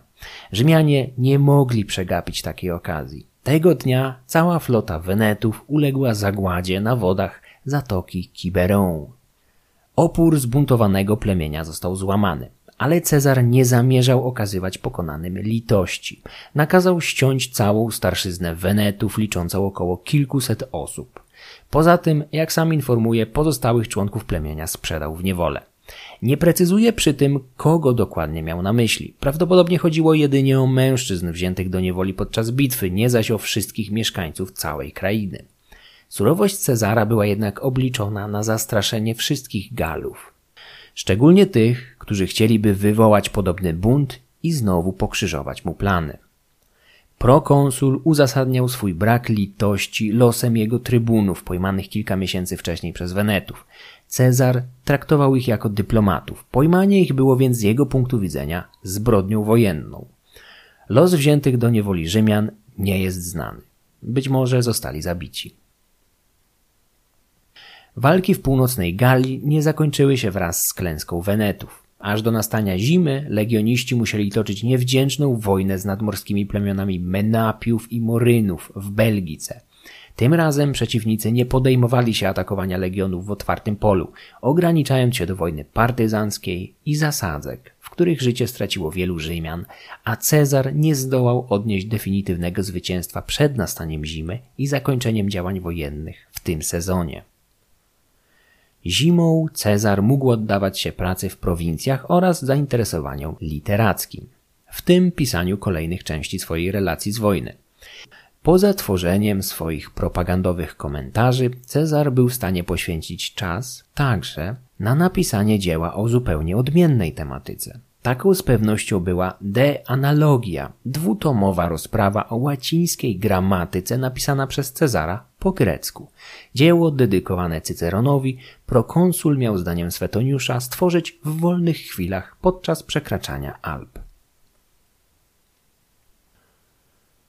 Cezar był wielkim miłośnikiem literatury, ale oddawał się także bardziej przyziemnym przyjemnościom. Prokonsul nie żył wyłącznie samą wojną. Do legendy zaś przeszły jego liczne romanse i drobne miłostki, jakim oddawał się w tym okresie. Tacyt notował, że jeszcze podczas. Tak roku czterech cesarzy w 70 roku naszej ery jeden ze zromanizowanych nadreńskich Galów z pełną stanowczością przekonywał, że jest potomkiem Cezara. W jego rodzinie przez ponad 100 lat przechowywano pamięć o jakiejś pra, pra, pra babci mężczyzny, która miała być przez jakiś czas kochanką wielkiego wodza. Jedną z wielu zresztą. O ile to prawda, to kobieta mogła pochodzić z lokalnej arystokracji. Cezar znany był z astronomicznej liczby kochanek, wśród których były dostojne rzymskie matrony, hiszpańskie księżniczki, a nawet pewna egipska królowa, której rola w życiu rzymskiego wodza była jedynie epizodyczna, czego zdaje się nie uświadamiać sobie popkultura. Sam Cezar zaś w zbiorowej świadomości karmionej wytworami popkultury bardzo często pojawia się także jako surowy, poważny, majestatyczny i zupełnie niestrawny jegomość. Tak wypada Cezar w wykonaniu Kierana Heinza, skądinąd wybitnego aktora, w serialu Rzym HBO. Ten autentyczny Cezar był zaś człowiekiem bardzo żywiołowym, elokwentnym, dowcipnym, cynicznym, przebiegłym, bezwzględnym. Wielu współczesnych podkreślało, że potrafił być czarującym towarzyszem uczt i dyskusji. Z łatwością zjednywał sobie ludzi urokiem osobistym. Był także kobieciarzem, utracjuszem i skorumpowanym cynikiem. Powyższe cechy w połączeniu z jego lotnym intelektem, bezdyskusyjnym talentem dowódczym, politycznym i nieprzeciętną odwagą osobistą czyniły z tego najsłynniejszego Rzymianina w historii niewiarygodnie barwną i nieszablonową postać. A skala osiągnięć w ciągu ostatnich kilkunastu lat życia w oczach potomnych stworzyła z niego prawdziwego kolosa, jak określił go autor jednej z nowszych biografii wodza, Adrian Goldsworthy. Wraz z nastaniem zimy legiony udały się na kwatery zimowe, a Cezar mógł powrócić do zajęć, jakim oddawał się w spokojniejszej części sezonu. W tym czasie z pewnością zajmował się ostatnimi przygotowaniami do wyprawy na Brytanię, ale jak miało się wkrótce okazać, jego plany ponownie zostały pokrzyżowane. Rozgromienie Ariowista dwa lata wcześniej zahamowało germańską ekspansję na zachód. Nie zdołało jednak kompletnie jej zdusić. Między 56 a 55 rokiem przed naszą erą Ren przekroczyły plemiona Uzypetów i Tenkterów. Prokonsul szacował ich liczbę na ponad 400 tysięcy ludzi wędrujących w sposób podobny do szukających nowych siedzib Helwetów. Gdyby liczby podane przez Cezara były prawdziwe, w co szczerze wątpię, to Germanie musieliby prowadzić około 100 tysięcy zdolnych do walki mężczyzn. Byłaby to poważna siła zdolna wywołać w świeżo ujarzmionej Galii chaos na długie lata. Uzypeci i Tenkterowie wtargnęli do Galii, uchodząc przed potężnymi swebami. Na zachodzie szukali dla siebie nowych siedzib. Przekraczając Ren zdołali co prawda umknąć swebom, ale znaleźli się w strefie wpływów jeszcze groźniejszych Rzymian. Przeczuwając komplikacje, Cezar poderwał legiony i ruszył w kierunku Mozy, za którą, po przekroczeniu Renu, znalazły się germańskie hordy. Prokonsul starał się działać szybko. Wiedział dzięki swoim szpiegom, że liczni Galowie z nadzieją spoglądali na Germanów, w których widzieli wybawców spod rzymskiego Bata. Wiosną Cezar stanął w bezpośrednim pobliżu germańskich obozowisk i nawiązał rozmowy z intruzami. Germanie prosili go o wskazanie miejsca do osiedlenia się w Galii, obiecując poszanowanie lokalnych plemion i jego zwierzchnictwa. Rzymianin kategorycznie odmawiał im jednak prawa do przebywania w Galii, która jego zdaniem była już gęsto zaludniona. Nigdzie na jej terenie nie widział więc dla nich miejsca. Cezar działał ostrożnie, z dużym dystansem podchodząc do ciągle ponawianych przez przeciwnika zapewnień o dobrej woli, zwłaszcza, że w okolicy grasowała germańska jazda rabująca galijskie wioski. Pewnego dnia germańscy kawalerzyści starli się z którymś z oddziałów galijskiej jazdy Cezara, odnosząc przy tym zdecydowane zwycięstwo. W starciu miało polec 74 najemników prokonsula, który uznał incydent za zdradę. Gdy następnego dnia w rzymskim obozie pojawiła się cała germańska starszyzna, prosząc o audiencję i szansę na wytłumaczenie zajścia, Cezar natychmiast kazał ich wszystkich pojmać. Rzymianin bez litości tępił Wenetów, którzy w podobny sposób potraktowali rok wcześniej jego trybunów. Oburzył się również na jawne bezprawie Ariowista, który dwa lata wcześniej pojmał jego wysłanników. Jednocześnie, gdy sam stanął przed podobną możliwością, bez skrupułów wziął do niewoli całą germańską delegację. W tym miejscu trudno nie zadać sobie pytania, na ile relacja prokonsula o wcześniejszym incydencie jest prawdziwa. Czy gdyby Germanie faktycznie najpierw celowo zaatakowali jazdę Cezara, dzień później wysyłaliby całą plemienną elitę na rozmowę do rzymskiego obozu? Wątpię i podejrzewam, że Cezar po prostu wykorzystał nadarzającą się okazję.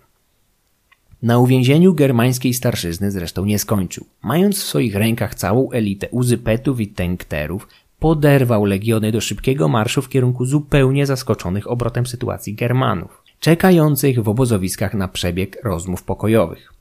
Germanie próbowali stawić jakiś prowizoryczny opór legionom, ale został on prędko złamany przez dyszących rządzą zemsty Rzymian. Bitwa zmieniła się szybko w masakrę. Germanie rzucili się do panicznej ucieczki. W tym momencie Cezar, jak sam notuje, wysłał na bezładną ciżbę dzieci, kobiet i mężczyzn swoją jazdę, aby ta szybciej dokończyła pacyfikacji. Tenkterów i uzypetów ścigano aż do pobliskiej rzeki, w której nurtach duża część członków obu plemion utonęła. Wielu pochwycono i natychmiast sprzedano w niewolę. Po tym wielkim zwycięstwie odniesionym niemal bez strat własnych, Cezar wspaniałomyślnie uwolnił członków pojmanej starszyzny plemiennej. Ci jednak woleli zostać w rzymskim obozie, zdając sobie sprawę, że z jednej strony nie mają do kogo już wracać, a z drugiej w Galii groziła im śmierć z ręki ludów, na których ziemię wcześniej wtargnęli.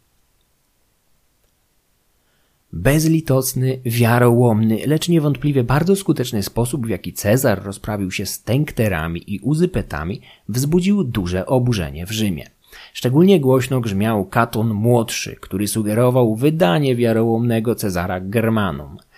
Rzymianom zdarzało się w przeszłości wydawać własnych dowódców przeciwnikom. Miało to jednak miejsce jedynie kilka razy w historii Republiki i to wyłącznie w szczególnych sytuacjach.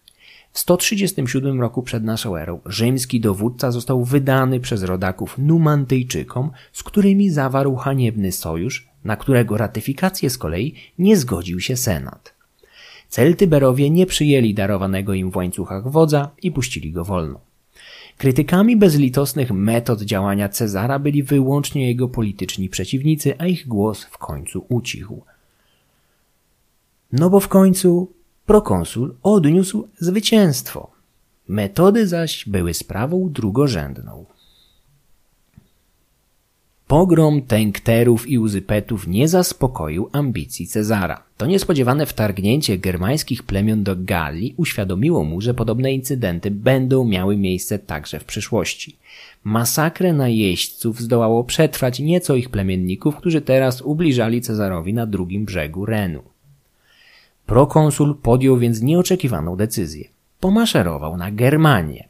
Do podjęcia tej decyzji dodatkowo skłoniły go apele germańskich ubiów, którzy cierpieli przemoc ze strony rozpychających się we wszystkich stronach swebów. W czerwcu Cezar stanął nad Renem, gdzieś w okolicach dzisiejszej Koblencji i natychmiast nakazał legionistom przerzucić przez nurt rzeki potężny most z drewnianych pali. Konstrukcja powstała w zaledwie 10 dni, a skala i szybkość pracy rzymskich inżynierów kompletnie zaskoczyła Germanów. Wraz z mostem skonstruowano dwa forty zabezpieczające konstrukcję na obu stronach rzeki oraz drewniane izbice zbudowane w pewnej odległości od mostu w nurcie rzeki. Ich celem było zatrzymywanie drewnianych belek ciskanych do rzeki przez Germanów, liczących, że w ten sposób obalą konstrukcję Rzymian. Cezar był tak dumny z tego osiągnięcia swoich legionistów, że szczegółowo zanotował sposób, w jaki skonstruowano most, który ujarzmił nurty Renu. W czerwcu 55 roku przed naszą erą legiony swobodnie, suchą stopą przemaszerowały na drugi brzeg Renu. Po raz pierwszy w historii rzymski wódz prowadził armię do serca Germanii. Cezar nie zagrzał w niej jednak zbyt długo. Wrogie plemiona Swebów i Sugambrów porzuciły swoje siedziby uchodząc do gęstych kniei. Rzymianie zaś musieli się zadowolić paleniem i rabowaniem opuszczonych osad. Legioniści zabrali także zboże z germańskich upraw. Interwencja na wschodnim brzegu trwała jedynie 18 dni i już w lipcu wojska wróciły do Galii, burząc za sobą most. Cezar nie ukrywał, że krótka ekspedycja na wschód była wyłącznie pokazem siły. Germanie mieli uświadomić sobie, że nie są za Renem bezpieczni, a Rzymianie w każdej chwili mogą się do nich pofatygować. Zresztą jakiś czas potem, w czasie kampanii galijskiej, Cezar ponownie na krótko przekroczył rzekę. Krótka kampania w Germanii pozwoliła Cezarowi zebrać nieco informacji o ludach zamieszkujących ziemię na wschód od Renu, rzeki, której nazwa wywodzi się od protoindoeuropejskiego źródłosłowu oznaczającego coś, co płynie lub biegnie.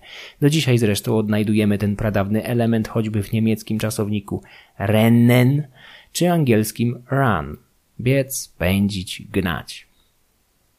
Cezar zanotował zabawne anegdoty o Germanach, czerpiących swoją siłę z długotrwałej wstrzemięźliwości seksualnej oraz o absurdalnych pułapkach na łosie, które w relacji prokonsula nie mają zbyt wiele wspólnego z rzeczywistością. Do tego dorzucał barwne opisy olbrzymiego lasu hercyńskiego. Wszystko to miało bawić jego czytelników w Italii. Kampania przeciwko Germanom została przeprowadzona w tempie błyskawicznym. Szybkość manewrowania była znakiem rozpoznawczym Cezara, często wykorzystującego zaskoczenie do uzyskania przewagi nad przeciwnikiem.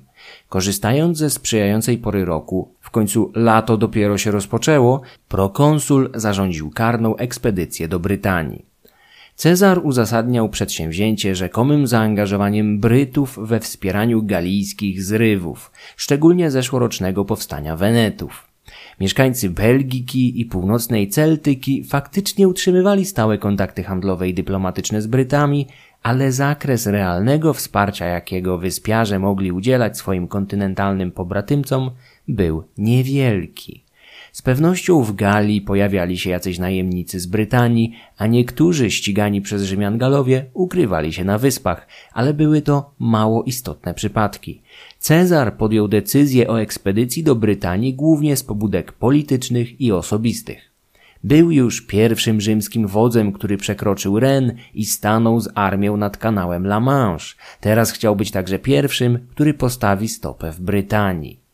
Mogła go także kusić perspektywa otwarcia nowego rynku zbytu dla rzymskich kupców oraz szansa rabunku, zawsze towarzysząca zwycięskim wojnom. Końcem sierpnia rzymska eskadra ruszyła na północ, wioząc na swoich pokładach dwa legiony, siódmy i dziesiąty. Razem z kawalerią i lekko zbrojnymi Cezar mógł wziąć na wyprawę niewiele ponad 10 tysięcy ludzi. Były to więc dość nieznaczne siły. Wyprawy poprzedzały intensywne działania wywiadowcze, które przyniosły, jak się miało okazać, niewiele cennych informacji. Galijscy kupcy utrzymujący kontakty z Brytanią zapewne celowo nie chcieli przekazywać cennych informacji Rzymianom, w których widzieli okupantów i potencjalnych konkurentów w handlu. Pomimo tego Cezar podjął ryzyko wyprawy, która już po wypłynięciu napotkała problemy w postaci silnych prądów i niezbyt przychylnej pogody, jaka panowała na kanale oddzielającym Galię od Brytanii o tej porze roku. Później zaś miało być już tylko gorzej. Pomimo początkowych problemów, Rzymianie zdołali znaleźć dogodne miejsce do lądowania, chociaż sam desant przebiegał w ogniu walki z miejscową ludnością. Brytowie zostali w porę poinformowani o planach Cezara. Zdołali więc zebrać sporą armię złożoną w dużej mierze z lekkich rydwanów bojowych ciągniętych przez dwa niewielkie konie, bardziej przypominające kucyki. Brytania była wówczas celtyckim skansenem, rozwijającym się do pewnego stopnia w izolacji od kontynentu. Brytowie ciągle hołdowali chaotycznej taktyce, bardziej adekwatnej do wczesnej epoki żelaza. Ich wojownicy walczący z rydwanów starali się wsławić indywidualnymi czynami na placu boju, lekceważąc współpracę zespołową, w jakiej celowali zdyscyplinowani Rzymianie. Mobilne rydwany, wspierane lekką piechotą złożoną z półnagich wojowników o ciałach pomalowanych na niebiesko użetem barwierskim, niespecjalnie radziły sobie z uformowanymi w linię bojową legionistami.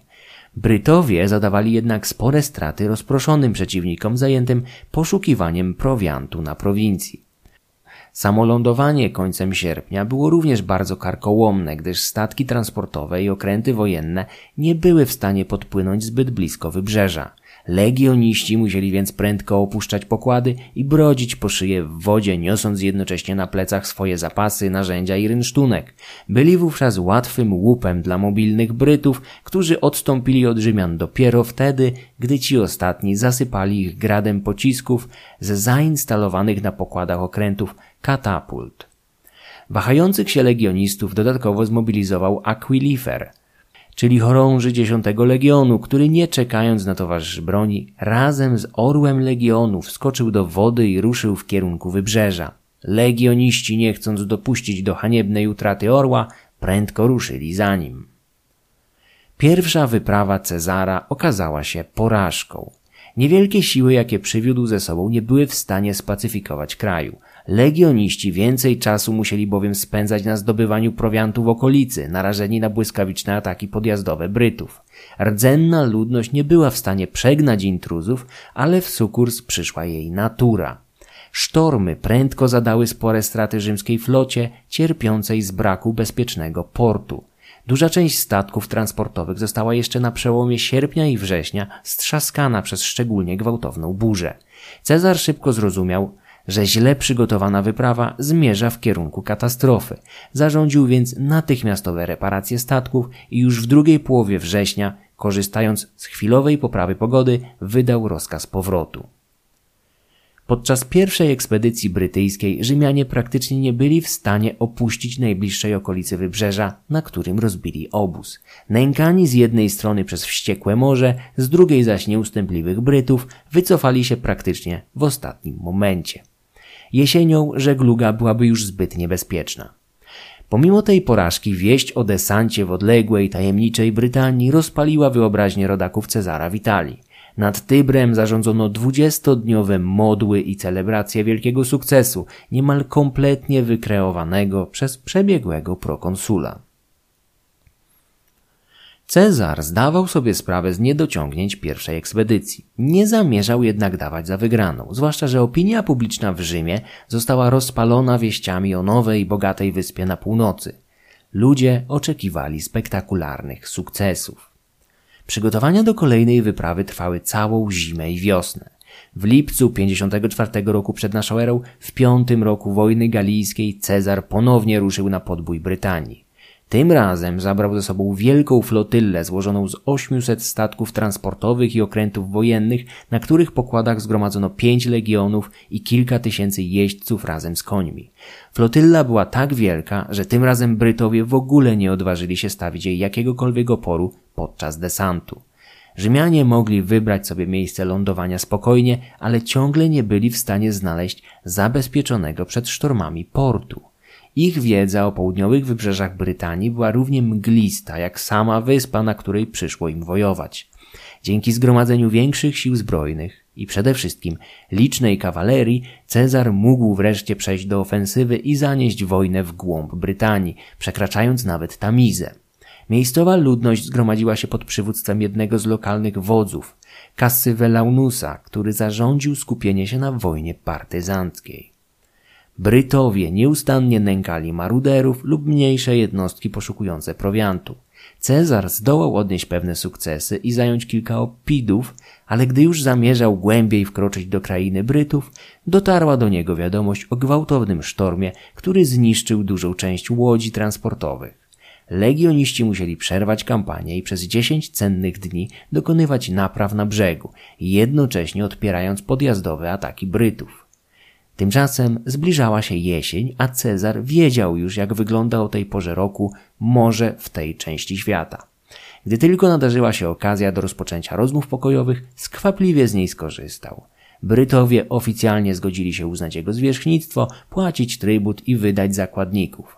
Tych ostatnich mieli jednak dostarczyć mu bezpośrednio do Galii. Cezar bowiem w efekcie zniszczeń wywołanych sztormami nie dysponował już wolnym miejscem na statkach.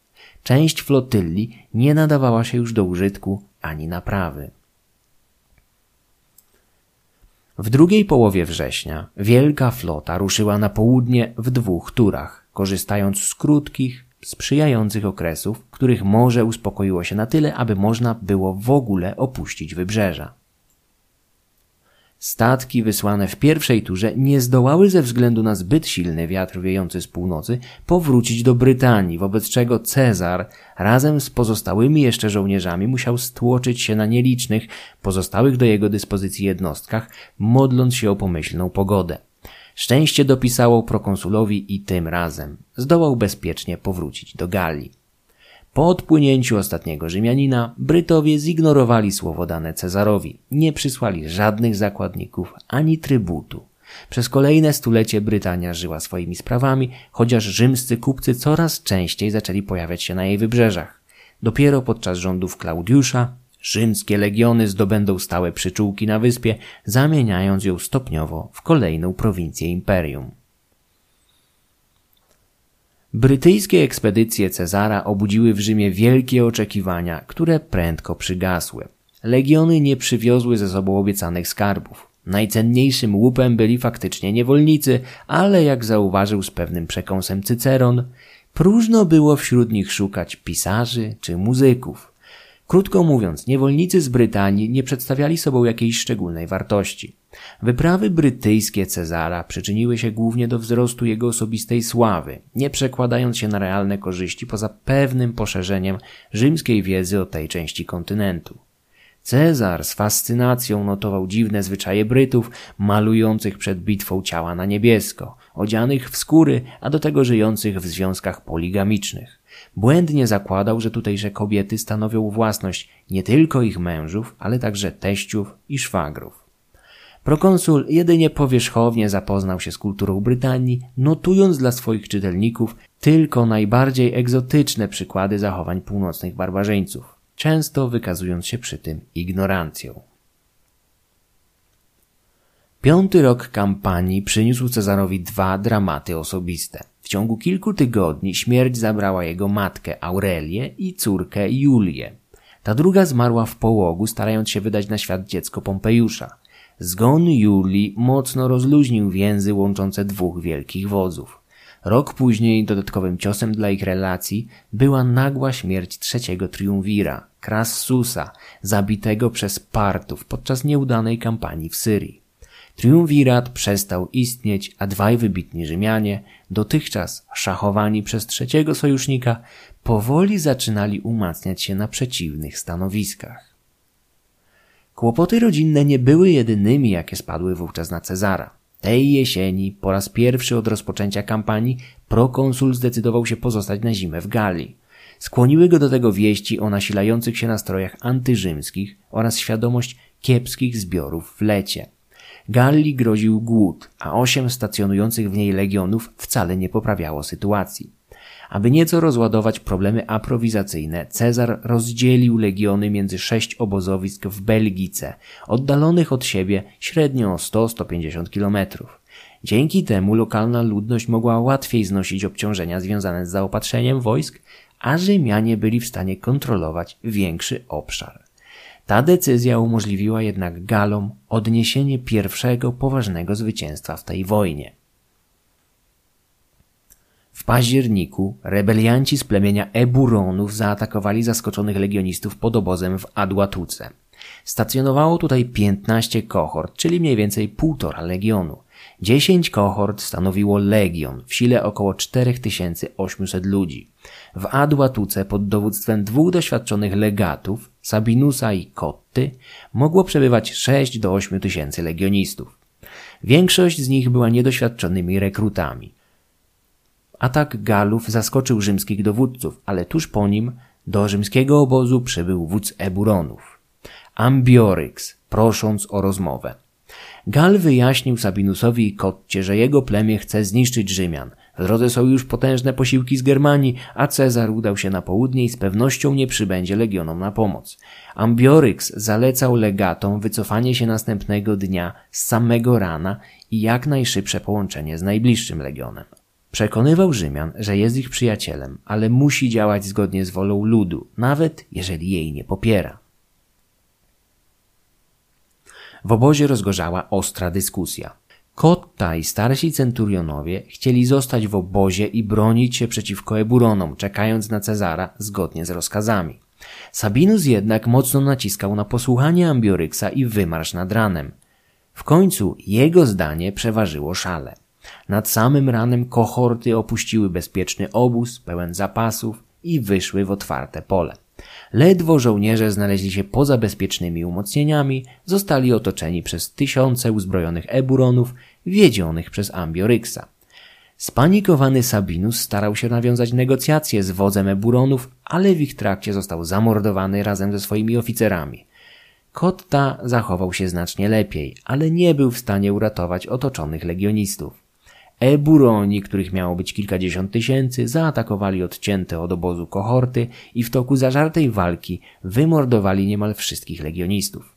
Garstka zdołała zbiec z powrotem do obozu, unosząc legionowego orła, ale wobec beznadziejnej sytuacji i otoczenia przez wrogów popełnili zbiorowe samobójstwo. Tylko nieliczni żołnierze ocaleli z pogromu i przedostali się przez lasy do pobliskich obozów, aby opisać katastrofę, do jakiej doszło pod Adłatuką. Zwycięski Ambioryx na czele Eburonów ruszył prędko do kolejnego rzymskiego obozu, w którym dowodził Quintus Cyceron, brat słynnego mówcy. Po drodze siły Ambioryksa zasilali Adłatukowie i Nerwiowie, pałający rządzą zemsty za klęskę zadaną im przez Cezara przed trzema laty. Swoją drogą, czy Cezar czasem nie pisał, że plemię Nerwiów zostało przez niego trzy lata wcześniej wybite niemal do nogi? Jakoś dziwnie szybko się rozmnożyli na przestrzeni tych trzech lat. To tyle odnośnie wiarygodności liczby ofiar i skali zwycięstw podawanych przez prokonsula. Galowie ciągle niesieni sukcesem odniesionym pod Adłatuką ponownie zaskoczyli niczego nie spodziewających się Rzymian i omal nie zdobyli drugiego obozu z marszu. Legioniści Quintusa zdołali odeprzeć pierwszy atak i zamknąć bramy. Ambioryx starał się podejść wodza w ten sam sposób, jaki przyniósł mu sukces pod Adłatuką, ale Cyceron był niewzruszony. Stwierdził, że nie jest zwyczajem Rzymian przyjmować rady od uzbrojonego przeciwnika. Jego sytuacja była jednak wyjątkowo ciężka. Został otoczony przez kilkukrotnie liczniejszych przeciwników, których według Cezara mogło być nawet ohoho 60 tysięcy. O sytuacji Cycerona i jego ludzi nie wiedział żaden z pozostałych dowódców a kolejni posłańcy wysłani przez legata byli przechwytywani przez oblegających i w okrutnych męczarniach mordowani na oczach broniących się legionistów. W końcu sztuka przedostania się do Cezara udała się pewnemu galijskiemu niewolnikowi, który nie wzbudzając podejrzeń u swoich rodaków, zdołał przejść przez ich linię, niosąc wiadomość do prokonsula ukrytą we wnętrzu swojej włóczni. Za ten czyn jego pan, kolaborujący z Rzymianami arystokrata z plemienia Nerwiów, obiecał mu wolność. Cyceron sporządził tekst w Grece, licząc, że nawet w przypadku jego przechwycenia Belgowie będą mieli problem z odczytaniem zawartości. Dzielny Gal przeniósł wiadomość do Cezara, a ten natychmiast zarządził mobilizację wszystkich dostępnych sił. Przyrzekł także legionistom, że nie zetnie włosów ani nie zgoli brody, dopóki nie pomści wymordowanych kohort Kotty i Sabinusa. Dysponując zaledwie kilkoma tysiącami ludzi, Cezar pognał czym prędzej w kierunku oblężonego Cycerona, wysyłając wcześniej wiadomość o nadejściu od sieczy. Ten sam Gal, który posłował wcześniej do Cezara, teraz zabrał jego odpowiedź do oblężonych. Naturalnie nie mógł jednak od tak sobie wejść do oblężonego obozu, więc cisnął wiadomość przytwierdzoną do grotu włóczni. Ta zaś utkwiła w ścianie jednej z wież. Oblężeni Rzymianie dopiero po dwóch dniach dostrzegli broń z przyczepioną do niej dziwną wiadomością, a po jej publicznym odczytaniu nie posiadali się ze szczęścia. Oblężenie było dla nich bowiem wyjątkowo ciężkie. Jedynie jeden na dziesięciu legionistów nie odniósł żadnej rany, a Galowie zaskoczyli obrońców użyciem prymitywnych machin oblężniczych wzorowanych na rzymskich. Sam Cezar podkreślał przebiegłość Galów, którzy bardzo szybko uczyli się od Rzymian, wykorzystując swój wrodzony talent do naśladownictwa. Jeszcze kilka lat wcześniej nikt w Belgice nie stosował machin oblężniczych. Teraz uległo to zmianie. Cezar zdawał sobie sprawę, że kampanię galijską należy zakończyć zdecydowanym sukcesem. W innym wypadku Galowie, z którymi walczył, staną się jeszcze większym problemem aniżeli do tej pory. Poziom ich sił zbrojnych wyraźnie wzrastał na skutek długotrwałego konfliktu z Rzymianami. Ciągle ustępowali jednak legionom w zakresie uzbrojenia i przede wszystkim dyscypliny. Każdy legionista miał hełm ze stali lub brązu, tarczę, krótki miecz i kolczugę. Galowie dysponowali bronią o podobnej jakości, ale kolczugi czy nawet hełmy nie były u nich powszechne. W zwarciu używali także dłuższych mieczy, zadając raczej ciosy sieczne, nie zaś pchnięcia jak legioniści. Z broni dystansowej, takiej jak proce, korzystali zazwyczaj podczas oblężeń. Łuki zaś w ogóle nie cieszyły się wśród Celtów zbytnią popularnością. Największym problemem Galów było jednak rozdrobnienie, konflikty i animozje między plemionami oraz duża decentralizacja. Nie było wodza naczelnego zdolnego przewodzić plemionom w dyktatorskim stylu Cezara. W Galii panował chaos. Cezar zdołał na czas przyjść z odsieczą Cyceronowi, a następnie wywabić Eburonów z zajmowanych przez nich pozycji. Udając słabszego niż był w rzeczywistości, sprowokował przeciwników do ataku który skończył się dla nich katastrofą. Po rzezi pod Adłatuką kolejne galijskie szczepy poderwały się do walki z okupantem. Widząc jednak klęskę Ambioryksa, wiele z nich ponownie rozważyło swoje decyzje. Gdyby legion Cycerona został unicestwiony, Rzymianie znaleźliby się w trudnej sytuacji, a cała Galia poderwałaby się do boju. Na taką jedność trzeba było jednak poczekać jeszcze niemal dwa lata. Podczas oblężenia obozu Quintusa Cycerona wielką sławę zdobyło dwóch centurionów siódmego legionu, którzy dwa tysiące lat później stali się głównymi bohaterami serialu HBO Rzym. Lucius Vorenus i Tytus Pullon byli autentycznymi uczestnikami wojny galijskiej. Obaj byli także centurionami konkurującymi ze sobą niczym Gimli i Legolas pod helmowym jarem o miano odważniejszego legionisty.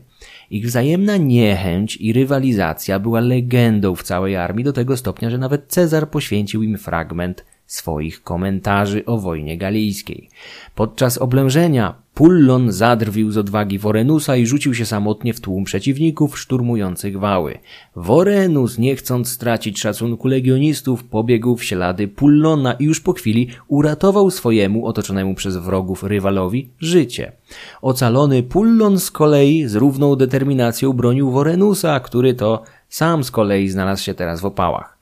Obaj krewcy centurionowie odnieśli obrażenia podczas tego wypadu, ale zdołali szczęśliwie powrócić do swoich jednostek. Ich wyczyn przysporzył im nieśmiertelnej sławy, a sam Cezar przyznawał, że w armii nie było zgody, któremu z nich przyznać palmę pierwszeństwa.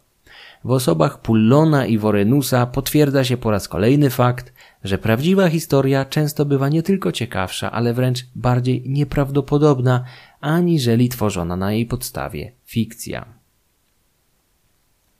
Cezar wiedział, że nie może pozwolić sobie na okazanie wahania ani jakiejkolwiek słabości. W miejsce unicestwionego legionu powołał nowy, a za nim dwa kolejne. Jeden z nich przysłał mu namiestnik Hiszpanii, jego były zięć Pompejusz, argumentując ten gest dobrem Rzymu. W kolejnym, szóstym roku wojny w Galii stacjonowało już dziesięć rzymskich legionów, razem z tysiącami najemników i lokalnych sojuszników. Cezar prędko przeszedł do ofensywy, za główny cel wyznaczając sobie Ambioryksa i Eburonów. Powstanie w Galii nie ograniczało się jednak wyłącznie do ziem tego plemienia. Za broń chwytać zaczęły także te z plemion, które dotychczas współpracowały z Rzymianami. Inicjatorem szeroko zakrojonej rebelii miał być jeden z lokalnych wielmożów, Akkon, którego Cezar kazał pochwycić, a następnie w poniżający sposób zakatować na śmierć a kona smagano rózgami aż do utraty przytomności. Potem zaś odcięto mu głowę, co dla Galów darzących tę część ciała szczególną czcią było dużym upokorzeniem. Akkon nie był pierwszym arystokratą, którego bez litości zmiażdżył rzymski prokonsul. Rok wcześniej podobny los spotkał wodza Eduów, Dumnoryksa, który odmówił uczestnictwa w drugiej inwazji na Brytanię. Dumnoryks już wcześniej był dwulicowym sojusznikiem, ale Cezar oszczędził go ze względu na prośbę jego brata, Dywicjaka. Gdy jednak w dniu zaokrętowania wojska Dumnoryks samowolnie opuścił rzymski obóz nad kanałem La Manche, wściekły Cezar posłał za nim jeźdźców z prostym rozkazem. przyprowadzić Dumnoryksa żywego lub martwego. Wódz Eduów nie poddał się Rzymianom. Wykrzyczał im prosto w twarz, że jest wolnym człowiekiem z wolnego ludu. Chwilę później zginął. Śmierć Dumnoryksa, a potem Akkona wstrząsnęła galijskimi elitami, które ostatecznie uświadomiły sobie swoją bezsilność wobec Rzymian. Pod koniec wojny podobny los spotkał niejakiego Gutuatra, którego egzekucję Cezar tłumaczył naciskami legionistów, którzy rzekomo bardzo natarczywie domagali się stracenia wichrzyciela. Stosunki Cezara i przedstawicieli lokalnej arystokracji nie były jednak czarno-białe. Podróżując po Galii, prokonsul zatrzymywał się w majątkach elit, które chętnie okazywały mu gościnę.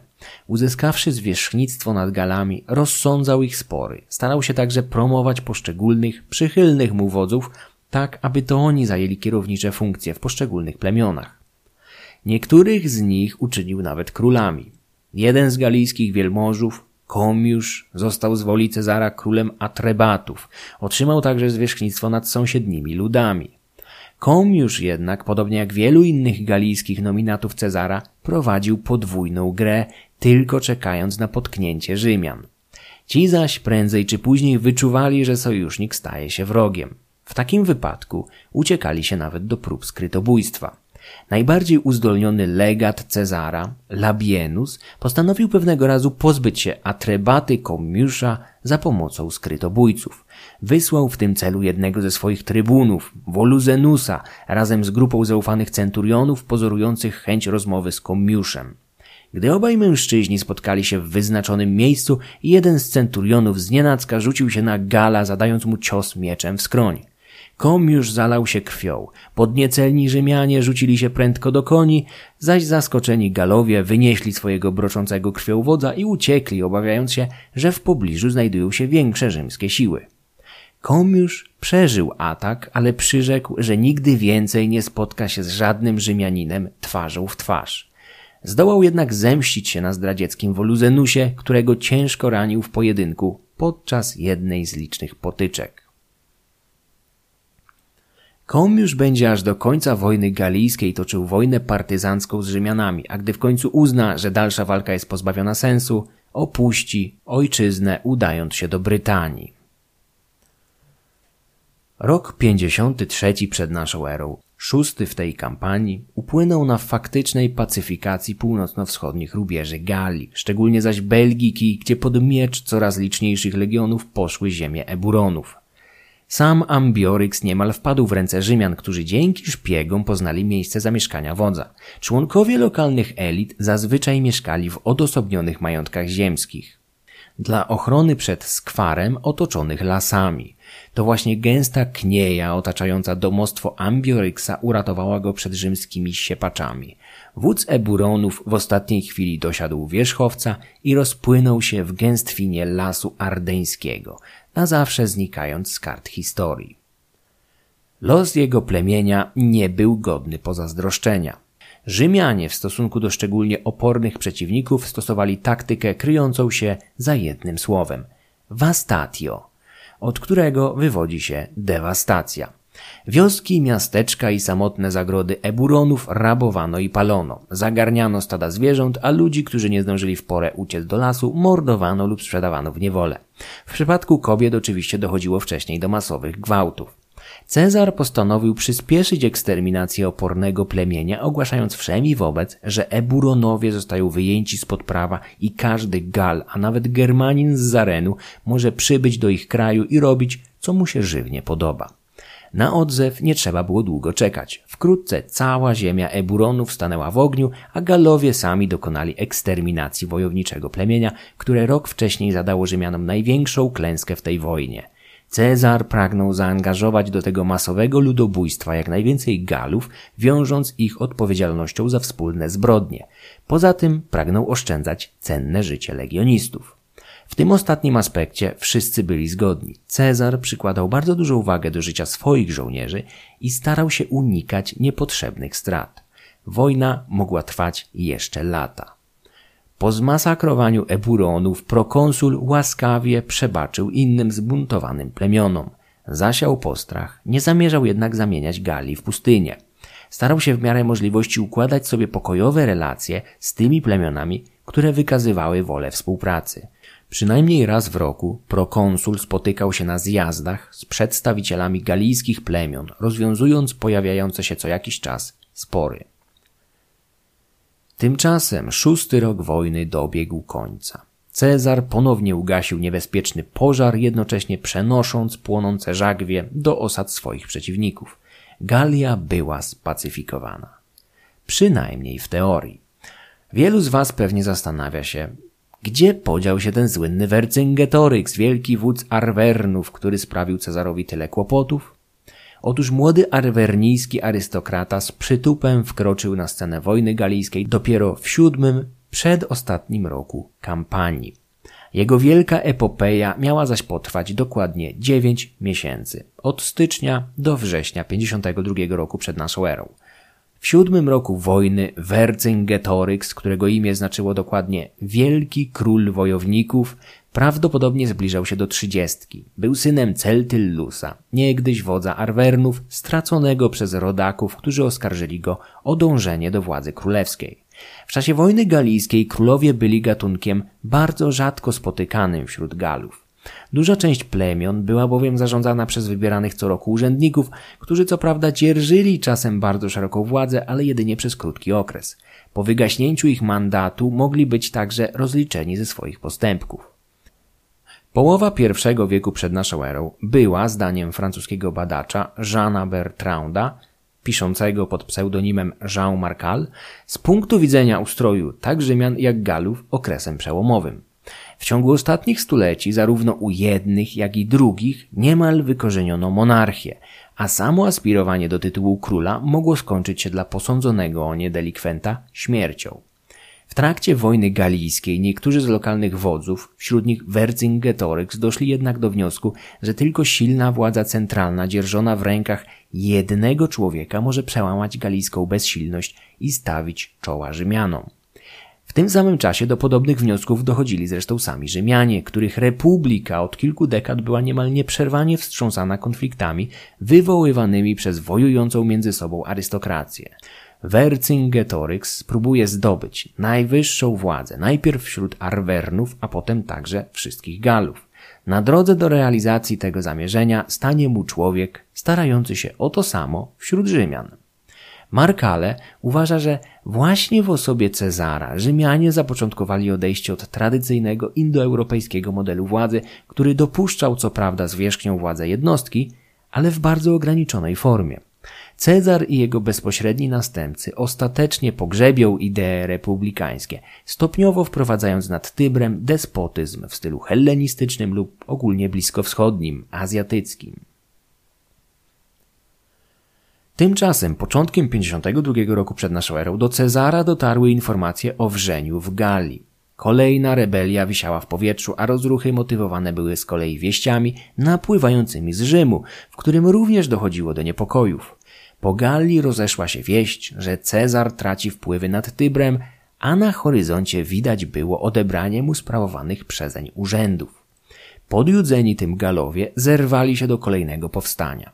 Inicjatywa wyszła prawdopodobnie od druidów, którzy jak co roku zbierali się w świętym Gaju w kraju Karnutów, stanowiącym symboliczne centrum Galii. W Gaju, leżącym być może w miejscu, gdzie dzisiaj dumnie stoi katedra w Chartres, druidzi, dotychczas będący na drugim planie wydarzeń, zdołali przekonać rodaków do chwycenia za broń. Jeszcze w lutym Karnutowie rozpętali prawdziwe piekło w mieście Cenabum, dzisiaj znanym jako Orlean, gdzie bez litości wymordowali wszystkich przebywających tam Rzymian, głównie kupców, zagarniając cały ich majątek. Wieść o rzezi w Cenabum rozeszła się po całej Galii nieprawdopodobnie szybko. Galowie mieli w zwyczaju przekazywać sobie ważne wiadomości krzycząc głośno przez pola – w ten sposób rolnicy przekazywali donośnym głosem ważne wiadomości, które były w stanie wędrować nawet ponad 200 kilometrów w ciągu doby. Zryw był tym bardziej zaskakujący, że tym razem zbuntowali się nie podbijani niedawno Belgowie czy mieszkańcy Armoryki, ale mieszkańcy centralnej Galii. Karnutowie, Biturygowie czy Arwernowie dotychczas nie prowadzili wrogiej Rzymianom polityki, ale nawet oni zorientowali się, że legiony, które ujarzmiły dużą część ich rodaków, zamierzają zostać w Galii na dłużej, być może na zawsze. Rzymska okupacja nie była szczególnie opresyjna. Miała nawet pewne zalety, które jednak przy bliższym spojrzeniu przestawały być tak kuszące. Cezar dbał o wygaszenie wszystkich konfliktów zbrojnych między plemionami, starając się rozwiązywać je własną mediacją. W efekcie czego w Galii zapanował faktycznie rzymski pokój, ale wodzowie poszczególnych plemion, utrzymujący spore drużyny głównie z łupów wojennych, prędko zorientowali się, że poprzez zakończenie sąsiedzkich wojen stracili źródło utrzymania swoich popleczników. Poza tym do głosu dochodziła także konkurencja ekonomiczna ze strony coraz liczniejszych rzymskich kupców i zwyczajne pragnienie niezależności. Cezar w swojej relacji niejednokrotnie podkreśla odwagę i pragnienie wolności, które pchały kolejne plemiona do beznadziejnych zrywów, przynoszących im opłakane skutki. Rzymski czytelnik relacji Cezara nie otrzymywał od niego czarno-białej propagandówki, w której Rzymianie byli tylko i wyłącznie tymi dobrymi, Galowie zaś pełnili rolę typowych barbarzyńców. Prokonsul nie musiał uciekać się do tak daleko idących uproszczeń i przekłamań, gdyż mentalność jego rodaków, jak i zresztą wszystkich ludów w tamtych czasach, odbiegała od naszych standardów. Wojna zaborcza nie była czymś urągającym dopóty, dopóki znalazło się dla niej jakiekolwiek sensowne uzasadnienie i prowadziło się ją z pewnym poszanowaniem panujących praw wojny. Pojmanie lub zabicie ambasadorów przeciwnika było haniebną zbrodnią, ale spalenie zbuntowanego miasta połączone z masowym ludobójstwem i zniewoleniem jego cywilnej ludności było praktyką jak najbardziej zrozumiałą i wytłumaczalną dla obu stron konfliktu. Cezar zimą ponownie znajdował się w swojej prowincji, nad Morzem Śródziemnym. Został więc oddzielony od legionów zgromadzonych w północnej Galii. Pomimo niesprzyjającej pory roku, błyskawicznie ruszył na północ, aby połączyć się z wojskami, gdy tylko dowiedział się o nowym buncie. W tym celu zimą przebył zasypany śniegiem łańcuch górski znany dzisiaj jako Sewenny, po czym wtargnął do samego serca kraju Arwernów, którzy, jak mu doniesiono, właśnie się zbuntowali. Kolejny raz w trakcie wojny galijskiej Rzymianie przeszli do ofensywy w trakcie zimy, podczas której zazwyczaj nie prowadzono działań wojennych, te bowiem rozpoczynano wiosną po zazielenieniu się łąk i pojawieniu traw niezbędnych do wykarmienia zwierząt pociągowych. Rzymska machina wojenna zapewniała Cezarowi olbrzymią przewagę nad Galami czy Germanami właśnie ze względu na rozbudowaną logistykę ułatwiającą zaopatrywanie większych wojsk nawet w niesprzyjającej porze roku. Przemarsz Cezara przez zaśnieżone Sewenny był o tyle bezprecedensowy, że prokonsul wyruszył na północ na czele nie więcej niż paru tysięcy na prędce zrekrutowanych mieszkańców prowincji i czterystu najemnych germańskich kawalerzystów. Ci ostatni, tuż po wtargnięciu, zaczęli prowadzić Vastatio w ziemi Arwernów, starając się odwrócić uwagę od prokonsula, który w tym samym czasie na czele jeszcze mniejszego oddziału w galijskim przebraniu gnał na północ w kierunku swoich wojsk. Arwernowie chwycili przynętę i nie zdołali uniemożliwić prokonsulowi połączenia się z jego wojskami. W ziemi Arwernów doszło wówczas do przewrotu. Młody arystokrata, Vercingetorix, naciskał od jakiegoś czasu na przyłączenie się do rodzącej się galijskiej rebelii, ale starszyzna plemienia była głucha na jego apele. Młodzieńca wygnano, ale to nie przeszkodziło mu w realizacji planów.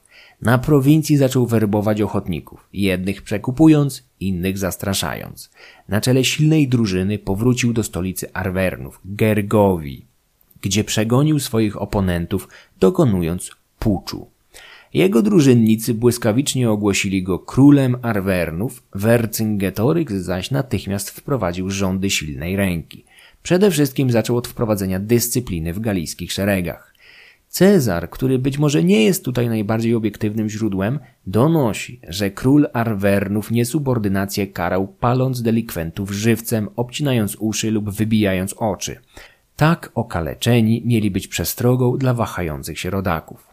Patrząc na późniejszą bezwzględność i determinację Vercingetoryksa, wydaje się, że relacja Cezara jest prawdopodobna.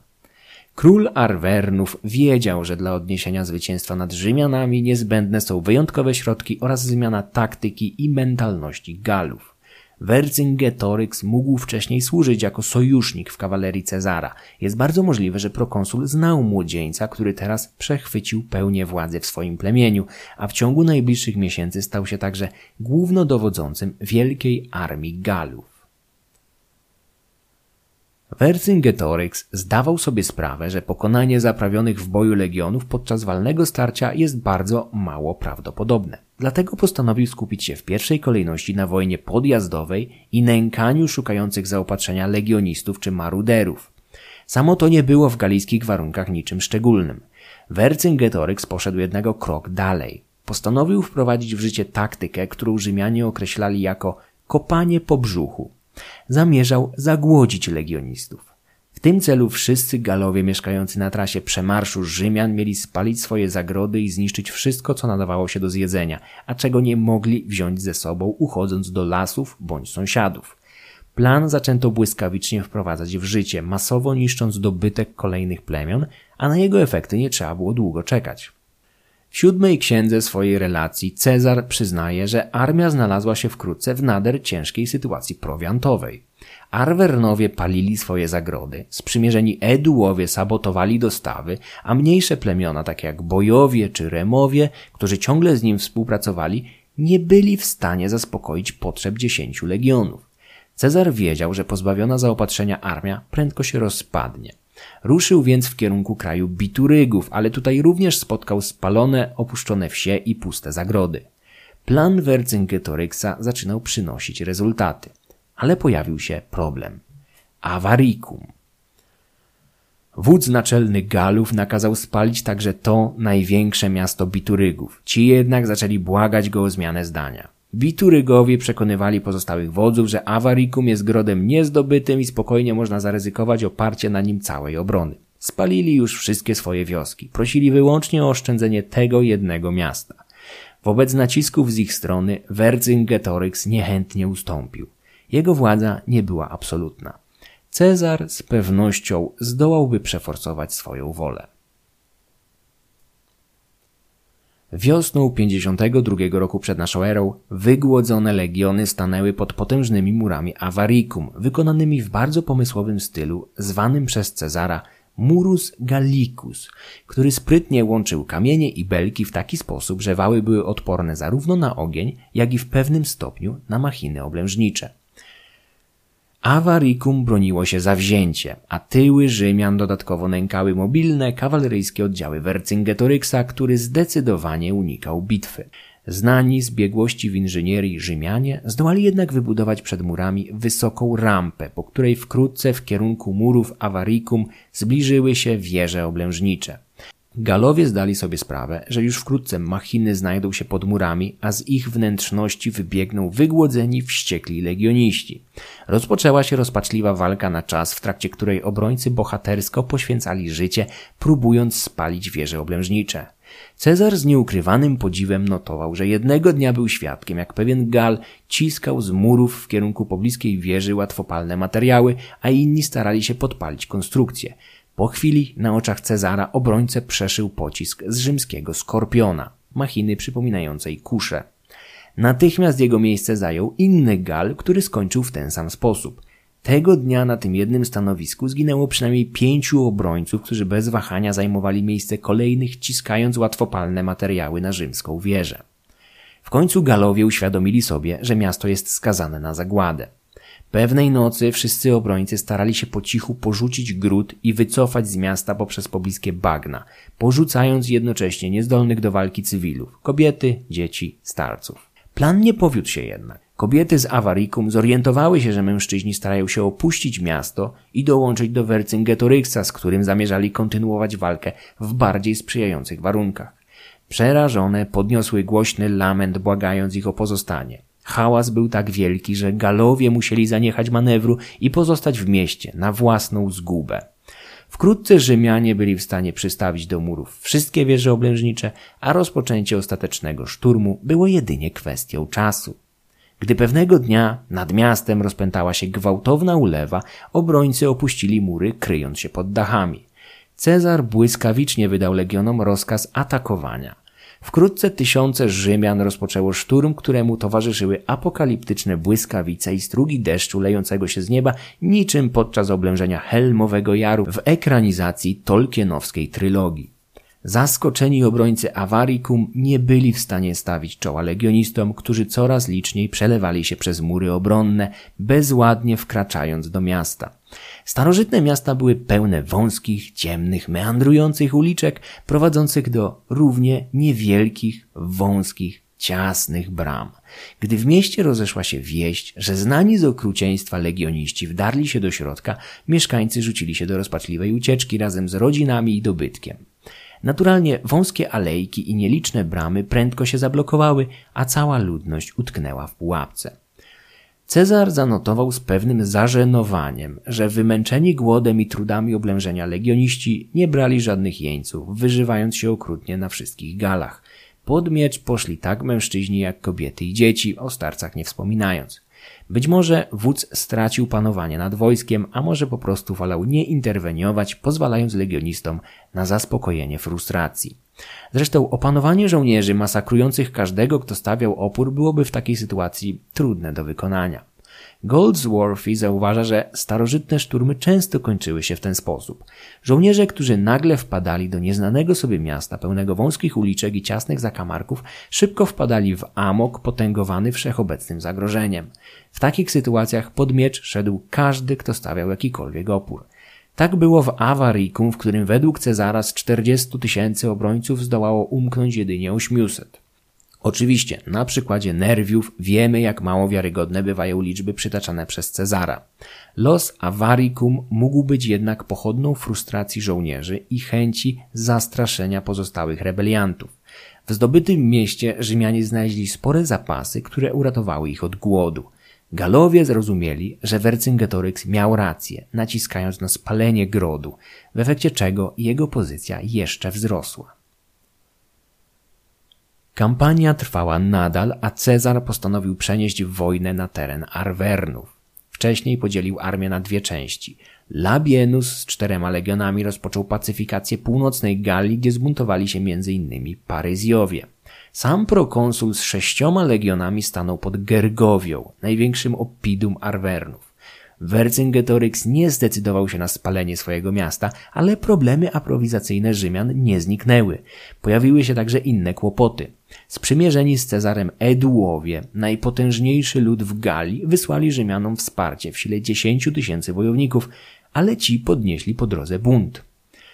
Powodem rebelii było kłamstwo jednego z edueńskich arystokratów, Littavicusa, który w trakcie marszu zatrzymał rodaków, informując ich o rzezi dokonanej na innych eduach przez Cezara.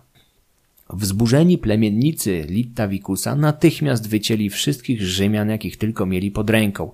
Podobnie postąpiono z innymi rodakami Cezara, którzy mieli pecha znaleźć się akurat w Bibrakte lub innych opidach tego plemienia. Kłamstwo miało jednak krótkie nogi, a poinformowany o wszystkim prokonsul zdołał stanąć przed Eduami razem z ich rzekomo zamordowanymi rodakami. Na plemię padł blady strach. Ale Cezar tym razem okazał swoją łaskawość, albo przynajmniej musiał to zrobić. Edułowie zostali wprowadzeni w błąd przez kilku arystokratów, którzy, współpracując z Wercyngetorixem, chcieli przeciągnąć najsilniejszy lud w Galii na stronę rebelii. W tym celu oszukali swoich rodaków i skłonili ich do zbrodni. Cezar nie mógł pozwolić sobie na wyciągnięcie poważniejszych konsekwencji wobec całego plemienia, więc wspaniałomyślnie mu przebaczył. Podczas kampanii galijskiej Cezar bardzo łagodnie traktował najsilniejsze plemiona i był w stanie wiele im zapomnieć. Zdawał sobie bowiem sprawę, że nie będzie w stanie bez ich pomocy skutecznie zarządzać Galią. Uśmierzenie krótkotrwałego buntu Eduów niewiele zmieniło sytuację prokonsula, który dalej cierpiał niedostatki pod niezdobytymi murami Gergowi. W końcu postanowił odstąpić od jej murów, ale dla zachowania twarzy chciał wykorzystać moment nieuwagi Galów i zniszczyć jeden z ich obozów pod murami grodu. Po takim drobnym sukcesie mógłby honorowo wycofać się do lepiej zaopatrzonego regionu. Pewnego dnia, dzięki wymyślonemu przez niego podstępowi, kawaleria Cezara zdołała odwrócić uwagę głównych sił Wercyngetoryxa, a w tym samym czasie część legionistów szybko ruszyła w kierunku jednego z galijskich obozów rozbitych pod murami Oppidum. Zaskoczenie było kompletne.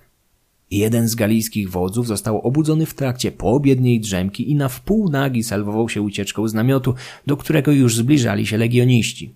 Dewastacja obozowiska była błyskawiczna. Cezar zaś, widząc zamieszanie, jakie wywołał ten nagły wypad, kazał dąć w trąby, dając tym samym legionistom sygnał do odwrotu. Rozkaz wykonano, ale mało który z opętanych ferworem walki Rzymian go usłyszał. Żołnierze w amoku parli dalej przed siebie i wkrótce zaczęli wspinać się na mury Gergowi, co ewidentnie nie było pierwotnym planem ich wodza. W Gergowi wybuchła panika. Cywile wpadli w rozpacz, widząc legionistów na blankach. W końcu doskonale wiedzieli, co stało się przed kilkoma tygodniami w Avaricum. Gdy Cezar starał się odwołać krewkich legionistów, zaalarmowany rozgardiaszem Vercingetorix wysłał pod mury zagrożonego Opidum tysiące wojowników w ramach odsieczy. Widzący to Cezar wysłał ze swojej strony sojuszniczych Eduów, którzy, jak wszyscy galijscy sojusznicy Rzymian, ruszali do walki z odkrytym prawym ramieniem, tak aby legioniści mogli zorientować się, że mają do czynienia z sojusznikami. Tak było i tym razem, ale wszystko poszło na opak. Osamotnieni pod murami Gergowi legioniści w końcu zorientowali się, że jest ich dość niewielu, część sił zdołała się już wycofać, a na ich flankę nacierają tysiące arwernów. Z drugiej strony biegli Eduowie, ale przerażeni obrotem sytuacji Rzymianie wzięli ich za wrogów. Legioniści rzucili się do szaleńczej ucieczki z powrotem po stoku wzgórza, naciskani przez obrońców miasta i nadchodzącą odsiecz. Cezar wysłał im na pomoc jeden z legionów, ale zdołał on jedynie osłonić odwrót na ostatnim etapie. Szturm Gergowi zakończył się klęską Rzymian, którzy tego dnia według Cezara stracili 700 zabitych legionistów i 46 centurionów. Centurion był niższym oficerem dowodzącym tzw. Tak centurią, czyli setką żołnierzy, chociaż w czasach republiki centurię zmniejszono. Za Cezara służyło w nich około 80 legionistów. W rzeczywistości podczas kampanii było ich jeszcze mniej. Zawsze byli przecież jacyś chorzy, dezerterzy czy martwi żołnierze, zaniżający rzeczywistą wielkość jednostek. Centurioni zawsze dowodzili swoim oddziałem w pierwszej linii, w efekcie czego śmiertelność wśród nich była nieproporcjonalnie wysoka, o czym najlepiej świadczy jadka pod Gergowią. Ilość ofiar była kilkakrotnie mniejsza niż w rzezi pod Adłatuką, ale porażka miała miejsce w obecności Cezara i zdecydowanie obciążała jego prestiż. Na efekty nie trzeba było zresztą długo czekać. Mały sukces pod Gergowią ponownie natchnął Galów, a kolejne, wahające się do tej pory plemiona, dołączyły do rewolty. Cezar miał teraz przeciwko sobie praktycznie całą Galię, za wyjątkiem pojedynczych plemion, w tym niezmiernie lojalnych mu Remów. Odstąpili go nawet Eduowie. Była to ich druga zdrada w ciągu zaledwie dwóch miesięcy. W efekcie ich odstąpienia Cezar stracił niemal całą galijską kawalerię, w miejsce której musiał zacząć werbować Germanów. Jakby tego było mało, w ręce Eduów wpadło Noviodunum z magazynami żywności, skarbcem armii oraz zakładnikami z wszystkich plemion. Rzymianie znaleźli się w trudnej sytuacji. Otoczeni z wszystkich stron przez wrogów, a do tego odcięci od aprowizacji. Nie mogąc zaopatrzyć swoich wojsk w kraju Arwernów ani zdobyć ich opidum, prokonsul zarządził odwrót i połączenie z siłami Labienusa, który skutecznie pacyfikował Paryzjów i Senonów.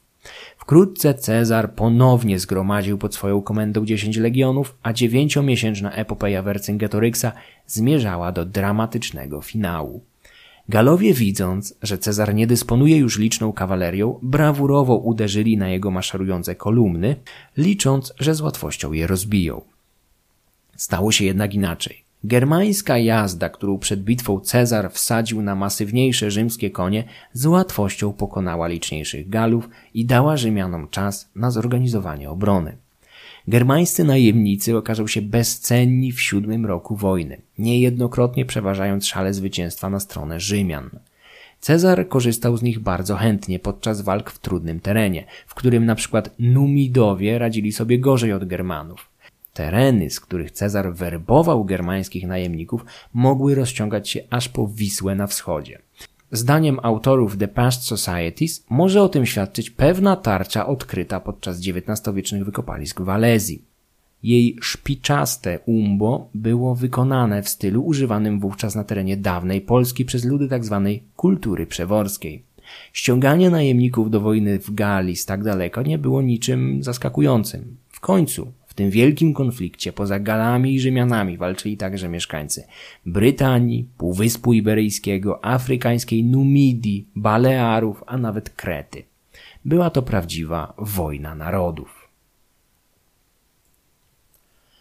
Pokonanie galijskiej kawalerii pod dzisiejszym Dijon przez Rzymian i Germanów wstrząsnęło Wercingetorixem. Król Arwernów przeszedł do defensywy, a inicjatywę po raz kolejny przejął Cezar, zawsze znany z proaktywnego i agresywnego podejścia do działań zbrojnych. Być może dlatego też 2000 lat później jego kampanię galijską tak szczegółowo analizował Napoleon, zafascynowany rzymskim prokonsulem do tego stopnia, że napisał o nim całą książkę. Korsykanin miał jednak sporo wątpliwości co do liczb podawanych przez swojego starożytnego idola. W wielu wypadkach uważał je za skrajnie nieprawdopodobne i przesadzone.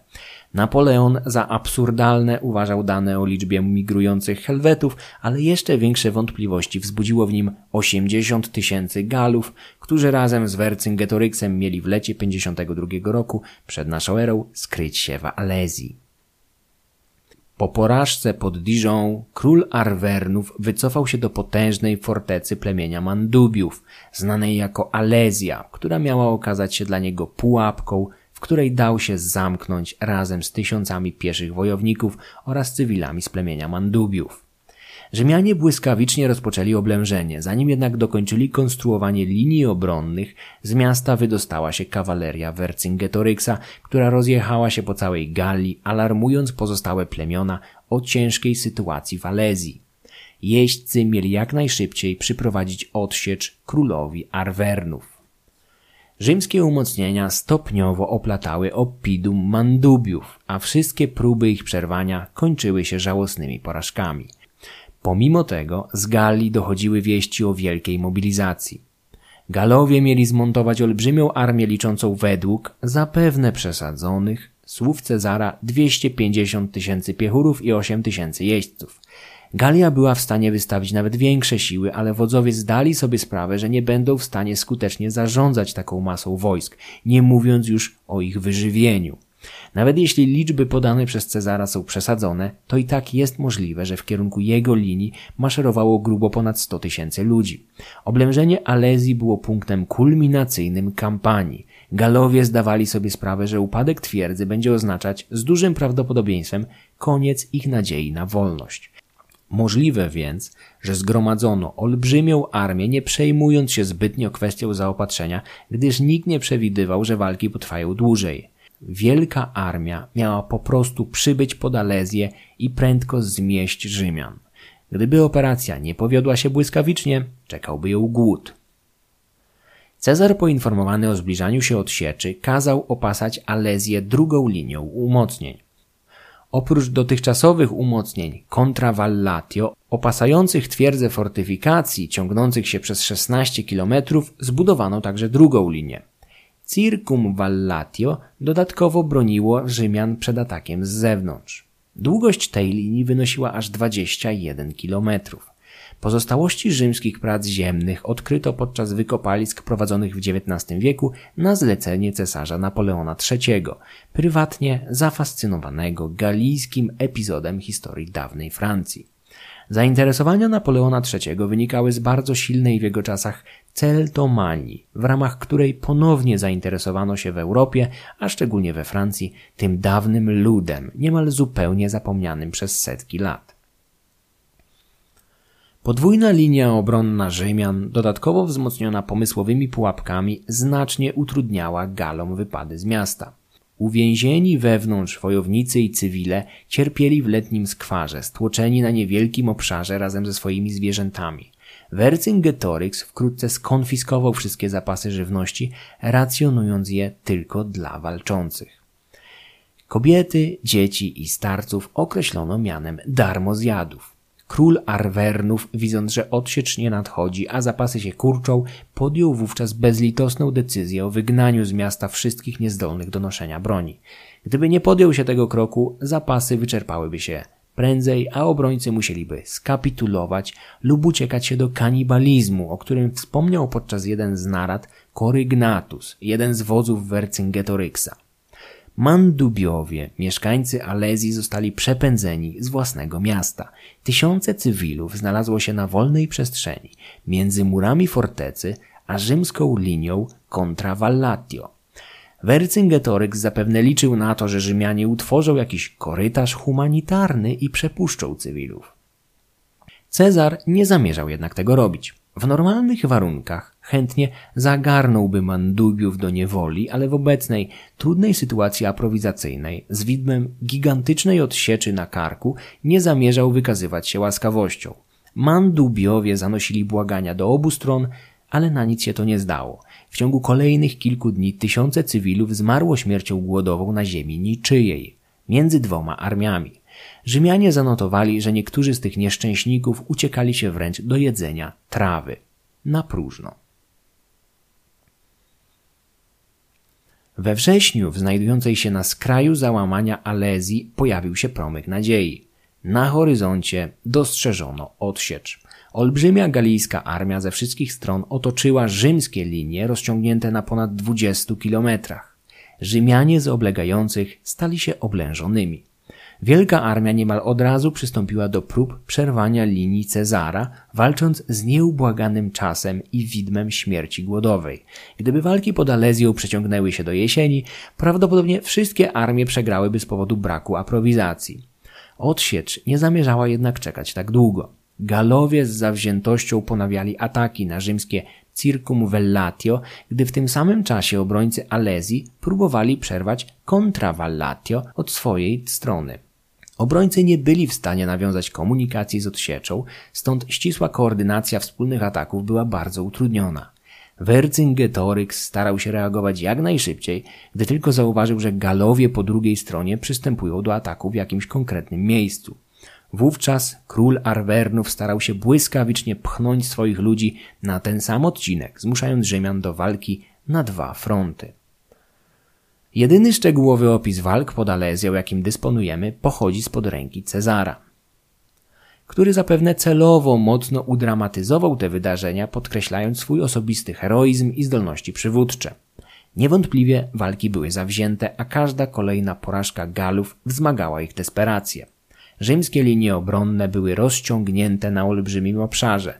Dodatkowo w niektórych miejscach legioniści nie mogli szczelnie zamknąć fortyfikacji ze względu na trudne warunki naturalne, co starali się zresztą wykorzystać Galowie.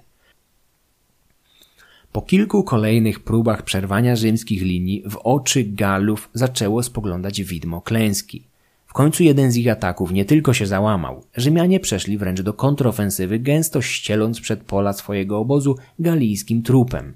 Misja ratunkowa spełzła na niczym. Największa armia, jaką zdołali kiedykolwiek zgromadzić Galowie, nie dała rady dziesięciu legionom Cezara. Wypady oblężonych również przypominały walenie głową w mur. Alezja musiała upaść.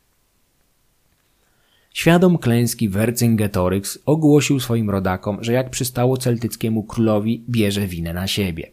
Król Arwernów był gotowy na oddanie się w ręce Rzymian lub popełnienie rytualnego samobójstwa. Cezar, przeczuwając już zbliżający się dlań, zasłużony triumf w Rzymie, zaczął zbierać trofea. Król Arwernów był zaś idealną zdobyczą, którą będzie można pokazać rzymskiemu motłochowi, a następnie złożyć w ofierze bogom na Kapitolu. Dzień po ostatecznej klęsce Vercingetorix wyruszył konno w swoją ostatnią podróż. W pełnym uzbrojeniu, z najdroższym rynsztunkiem jechał prosto do paszczy lwa albo Saurona.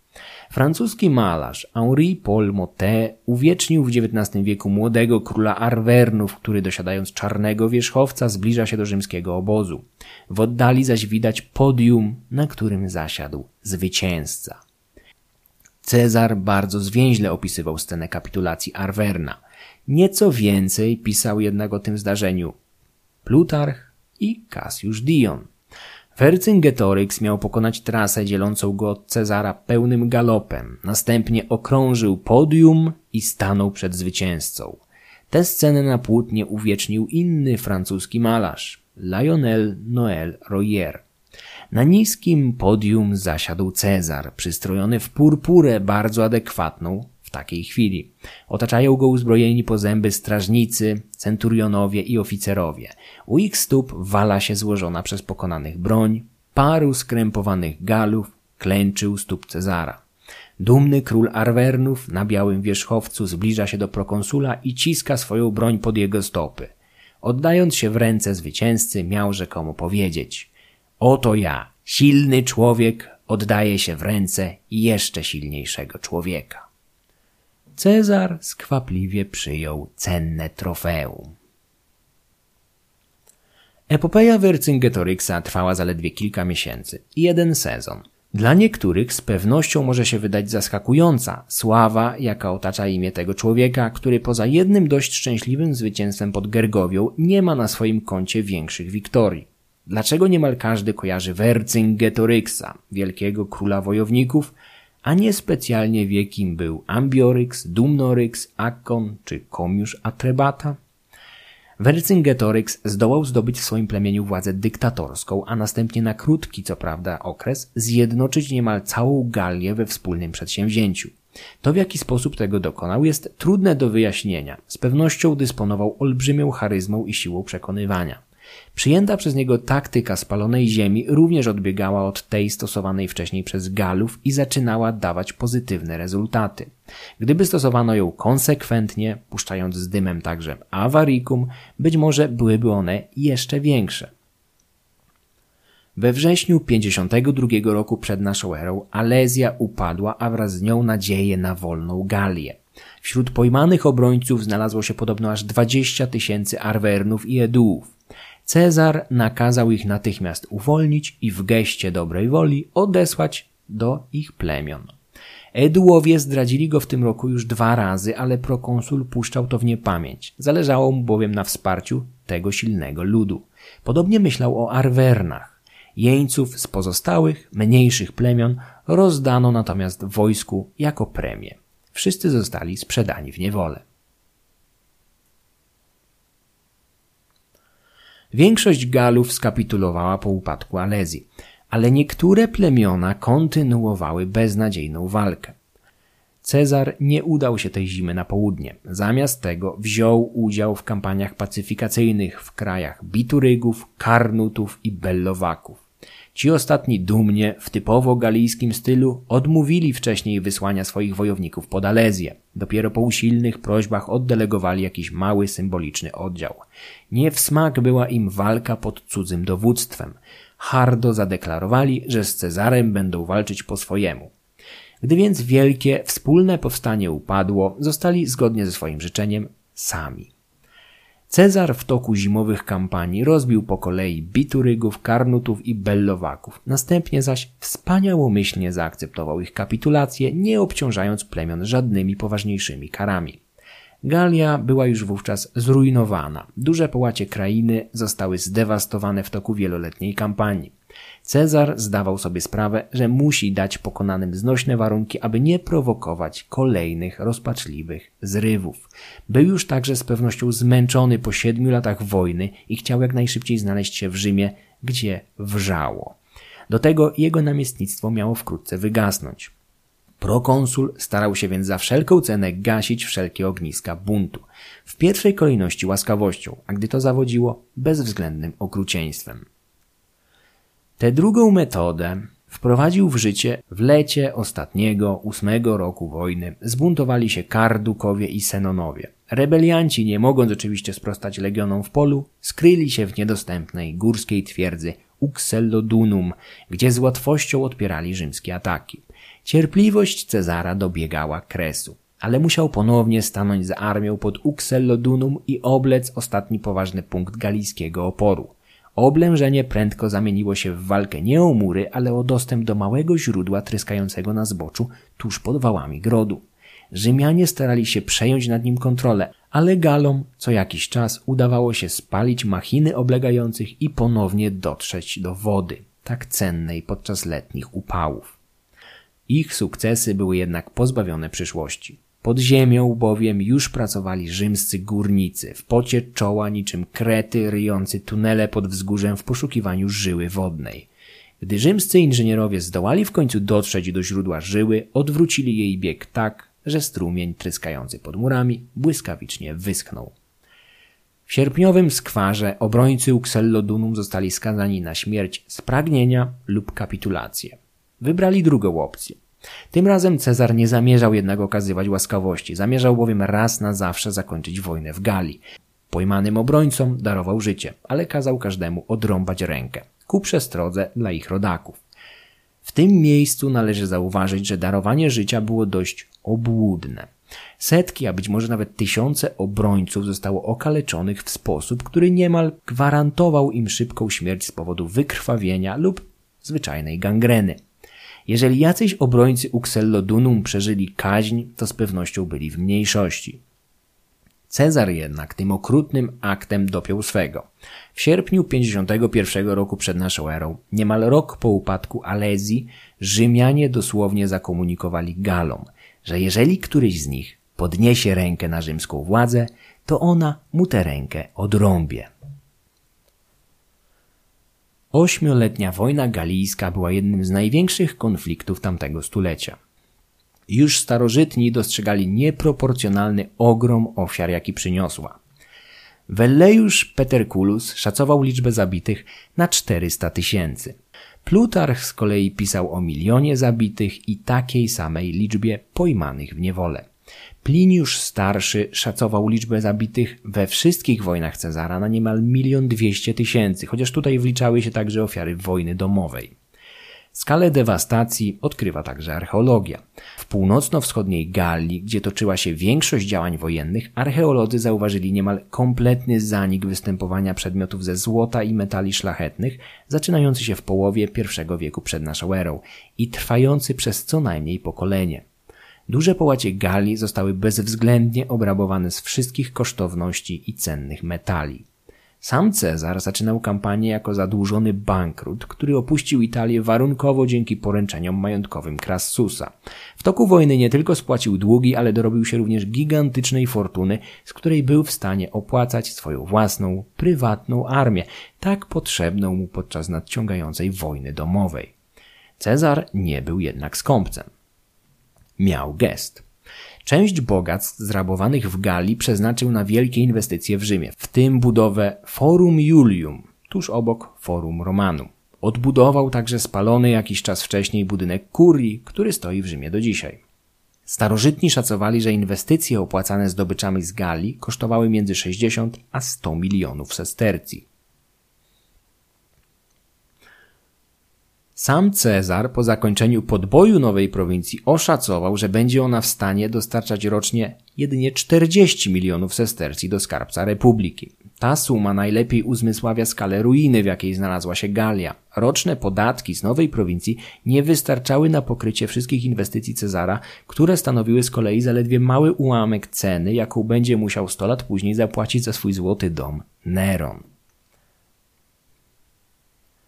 Paradoksalnie dla samych Galów rzymski podbój w perspektywie czasu nie okazał się wcale tragedią. Owszem, prowincja mogła stracić nawet jedną trzecią populacji, jeżeli przyjmiemy liczby Plutarcha, czyli milion zabitych i tyle samo niewolników, a następnie zestawimy je z nowymi estymacjami populacji Galii, szacowanej przed inwazją Cezara na 6-7 milionów ludzi, to faktycznie być może co trzeci Gal zniknął w trakcie tej wojny.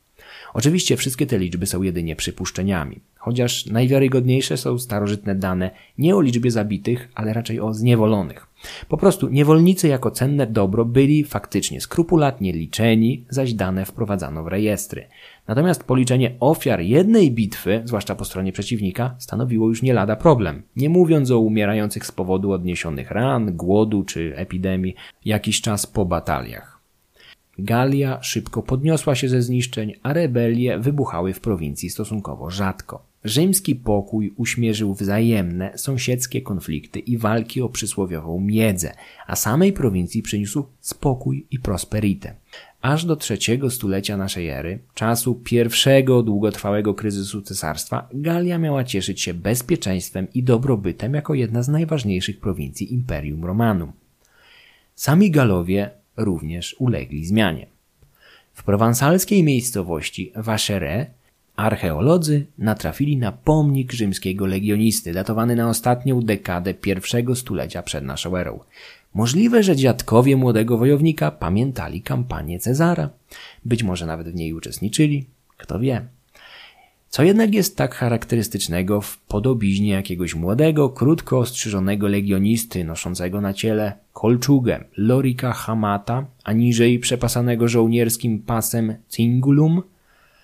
W oczy rzuca się jeden detal podobizny. Szyję wojownika zdobi galijski torkwes, jedyny element tak egzotycznie odcinający się od, wydawałoby się, standardowej podobizny rzymskiego legionisty. Młody Gal z Vacheres mógł być członkiem auxiliów, jednostek pomocniczych albo legionistą z Galii Narbońskiej. Jego podobizna jest jednym z lepszych przykładów szybkiej, lecz niekompletnej romanizacji, jaka miała miejsce w rzymskiej Galii. A jaki los czekał Wercingetoryksa? Myślę, że słowo ponury najlepiej oddaje to, co spotkało młodego króla Arwernów. Po upadku Alezji przez sześć lat był więziony w Rzymie, gdzie czekał na okazję wzięcia udziału w wielkim triumfie Cezara, odłożonym w czasie ze względu na wybuch wojny domowej. W 46 roku przed naszą erą pomaszerował jako jedno z najważniejszych trofeów w spektakularnym triumfie dożywotniego dyktatora republiki. Prawdopodobnie był już tylko cieniem dawnego wojownika, przez dziewięć miesięcy stawiającego twardy opór dziesięciu legionom. Po odegraniu swojej roli powrócił do więzienia mamertyńskiego na Kapitolu, gdzie zgodnie z tradycją został uduszony, stając się ofiarą dla rzymskich bogów. Jego poświęcenie, albo może nawet męczeństwo, nie zostało docenione. W Galii był już wówczas właściwie zapomniany, jako kolejny z długiej listy wodzów i królów, którzy zawiedli. Wercingetoryksa odnaleziono na nowo i odkurzono dopiero po rewolucji francuskiej. Zrodzone w ogniu krwawej rewolucji, francuskie społeczeństwo obywatelskie szukało dla siebie nowych bohaterów, którzy nie kojarzyliby się tak bardzo z Rzymem, papiestwem ani germańskimi Frankami. Wtedy to właśnie, po XVIII wiekach, ponownie rozbłysła gwiazda króla Arwernów i świeci do dzisiaj chociaż nie tak jasno jak gwiazda tego, z którym przyszło mu przegrać. Treść przygotował i przeczytał Michał Kuźniar. Jeżeli spodobał się Wam ten epizod, możecie rozważyć dobrowolne wsparcie podcastu Mroczne Wieki cyklicznie poprzez Patronite lub jednorazowo w postaci wirtualnej kawy na Buy Coffee. Linki znajdują się w opisie odcinka. Serdecznie dziękuję wszystkim patronom, a szczególnie Rafałowi, Krzysztofowi, Maksymilianowi, Wilhelmowi, Jarosławowi, dwóm Tomaszom i obu Oskarom. Filmy będące ekranizacją audycji można oglądać i komentować na YouTube, do czego wszystkich serdecznie zachęcam. Wszystkie wykorzystane źródła znajdziecie w opisie odcinka oraz na końcu filmu.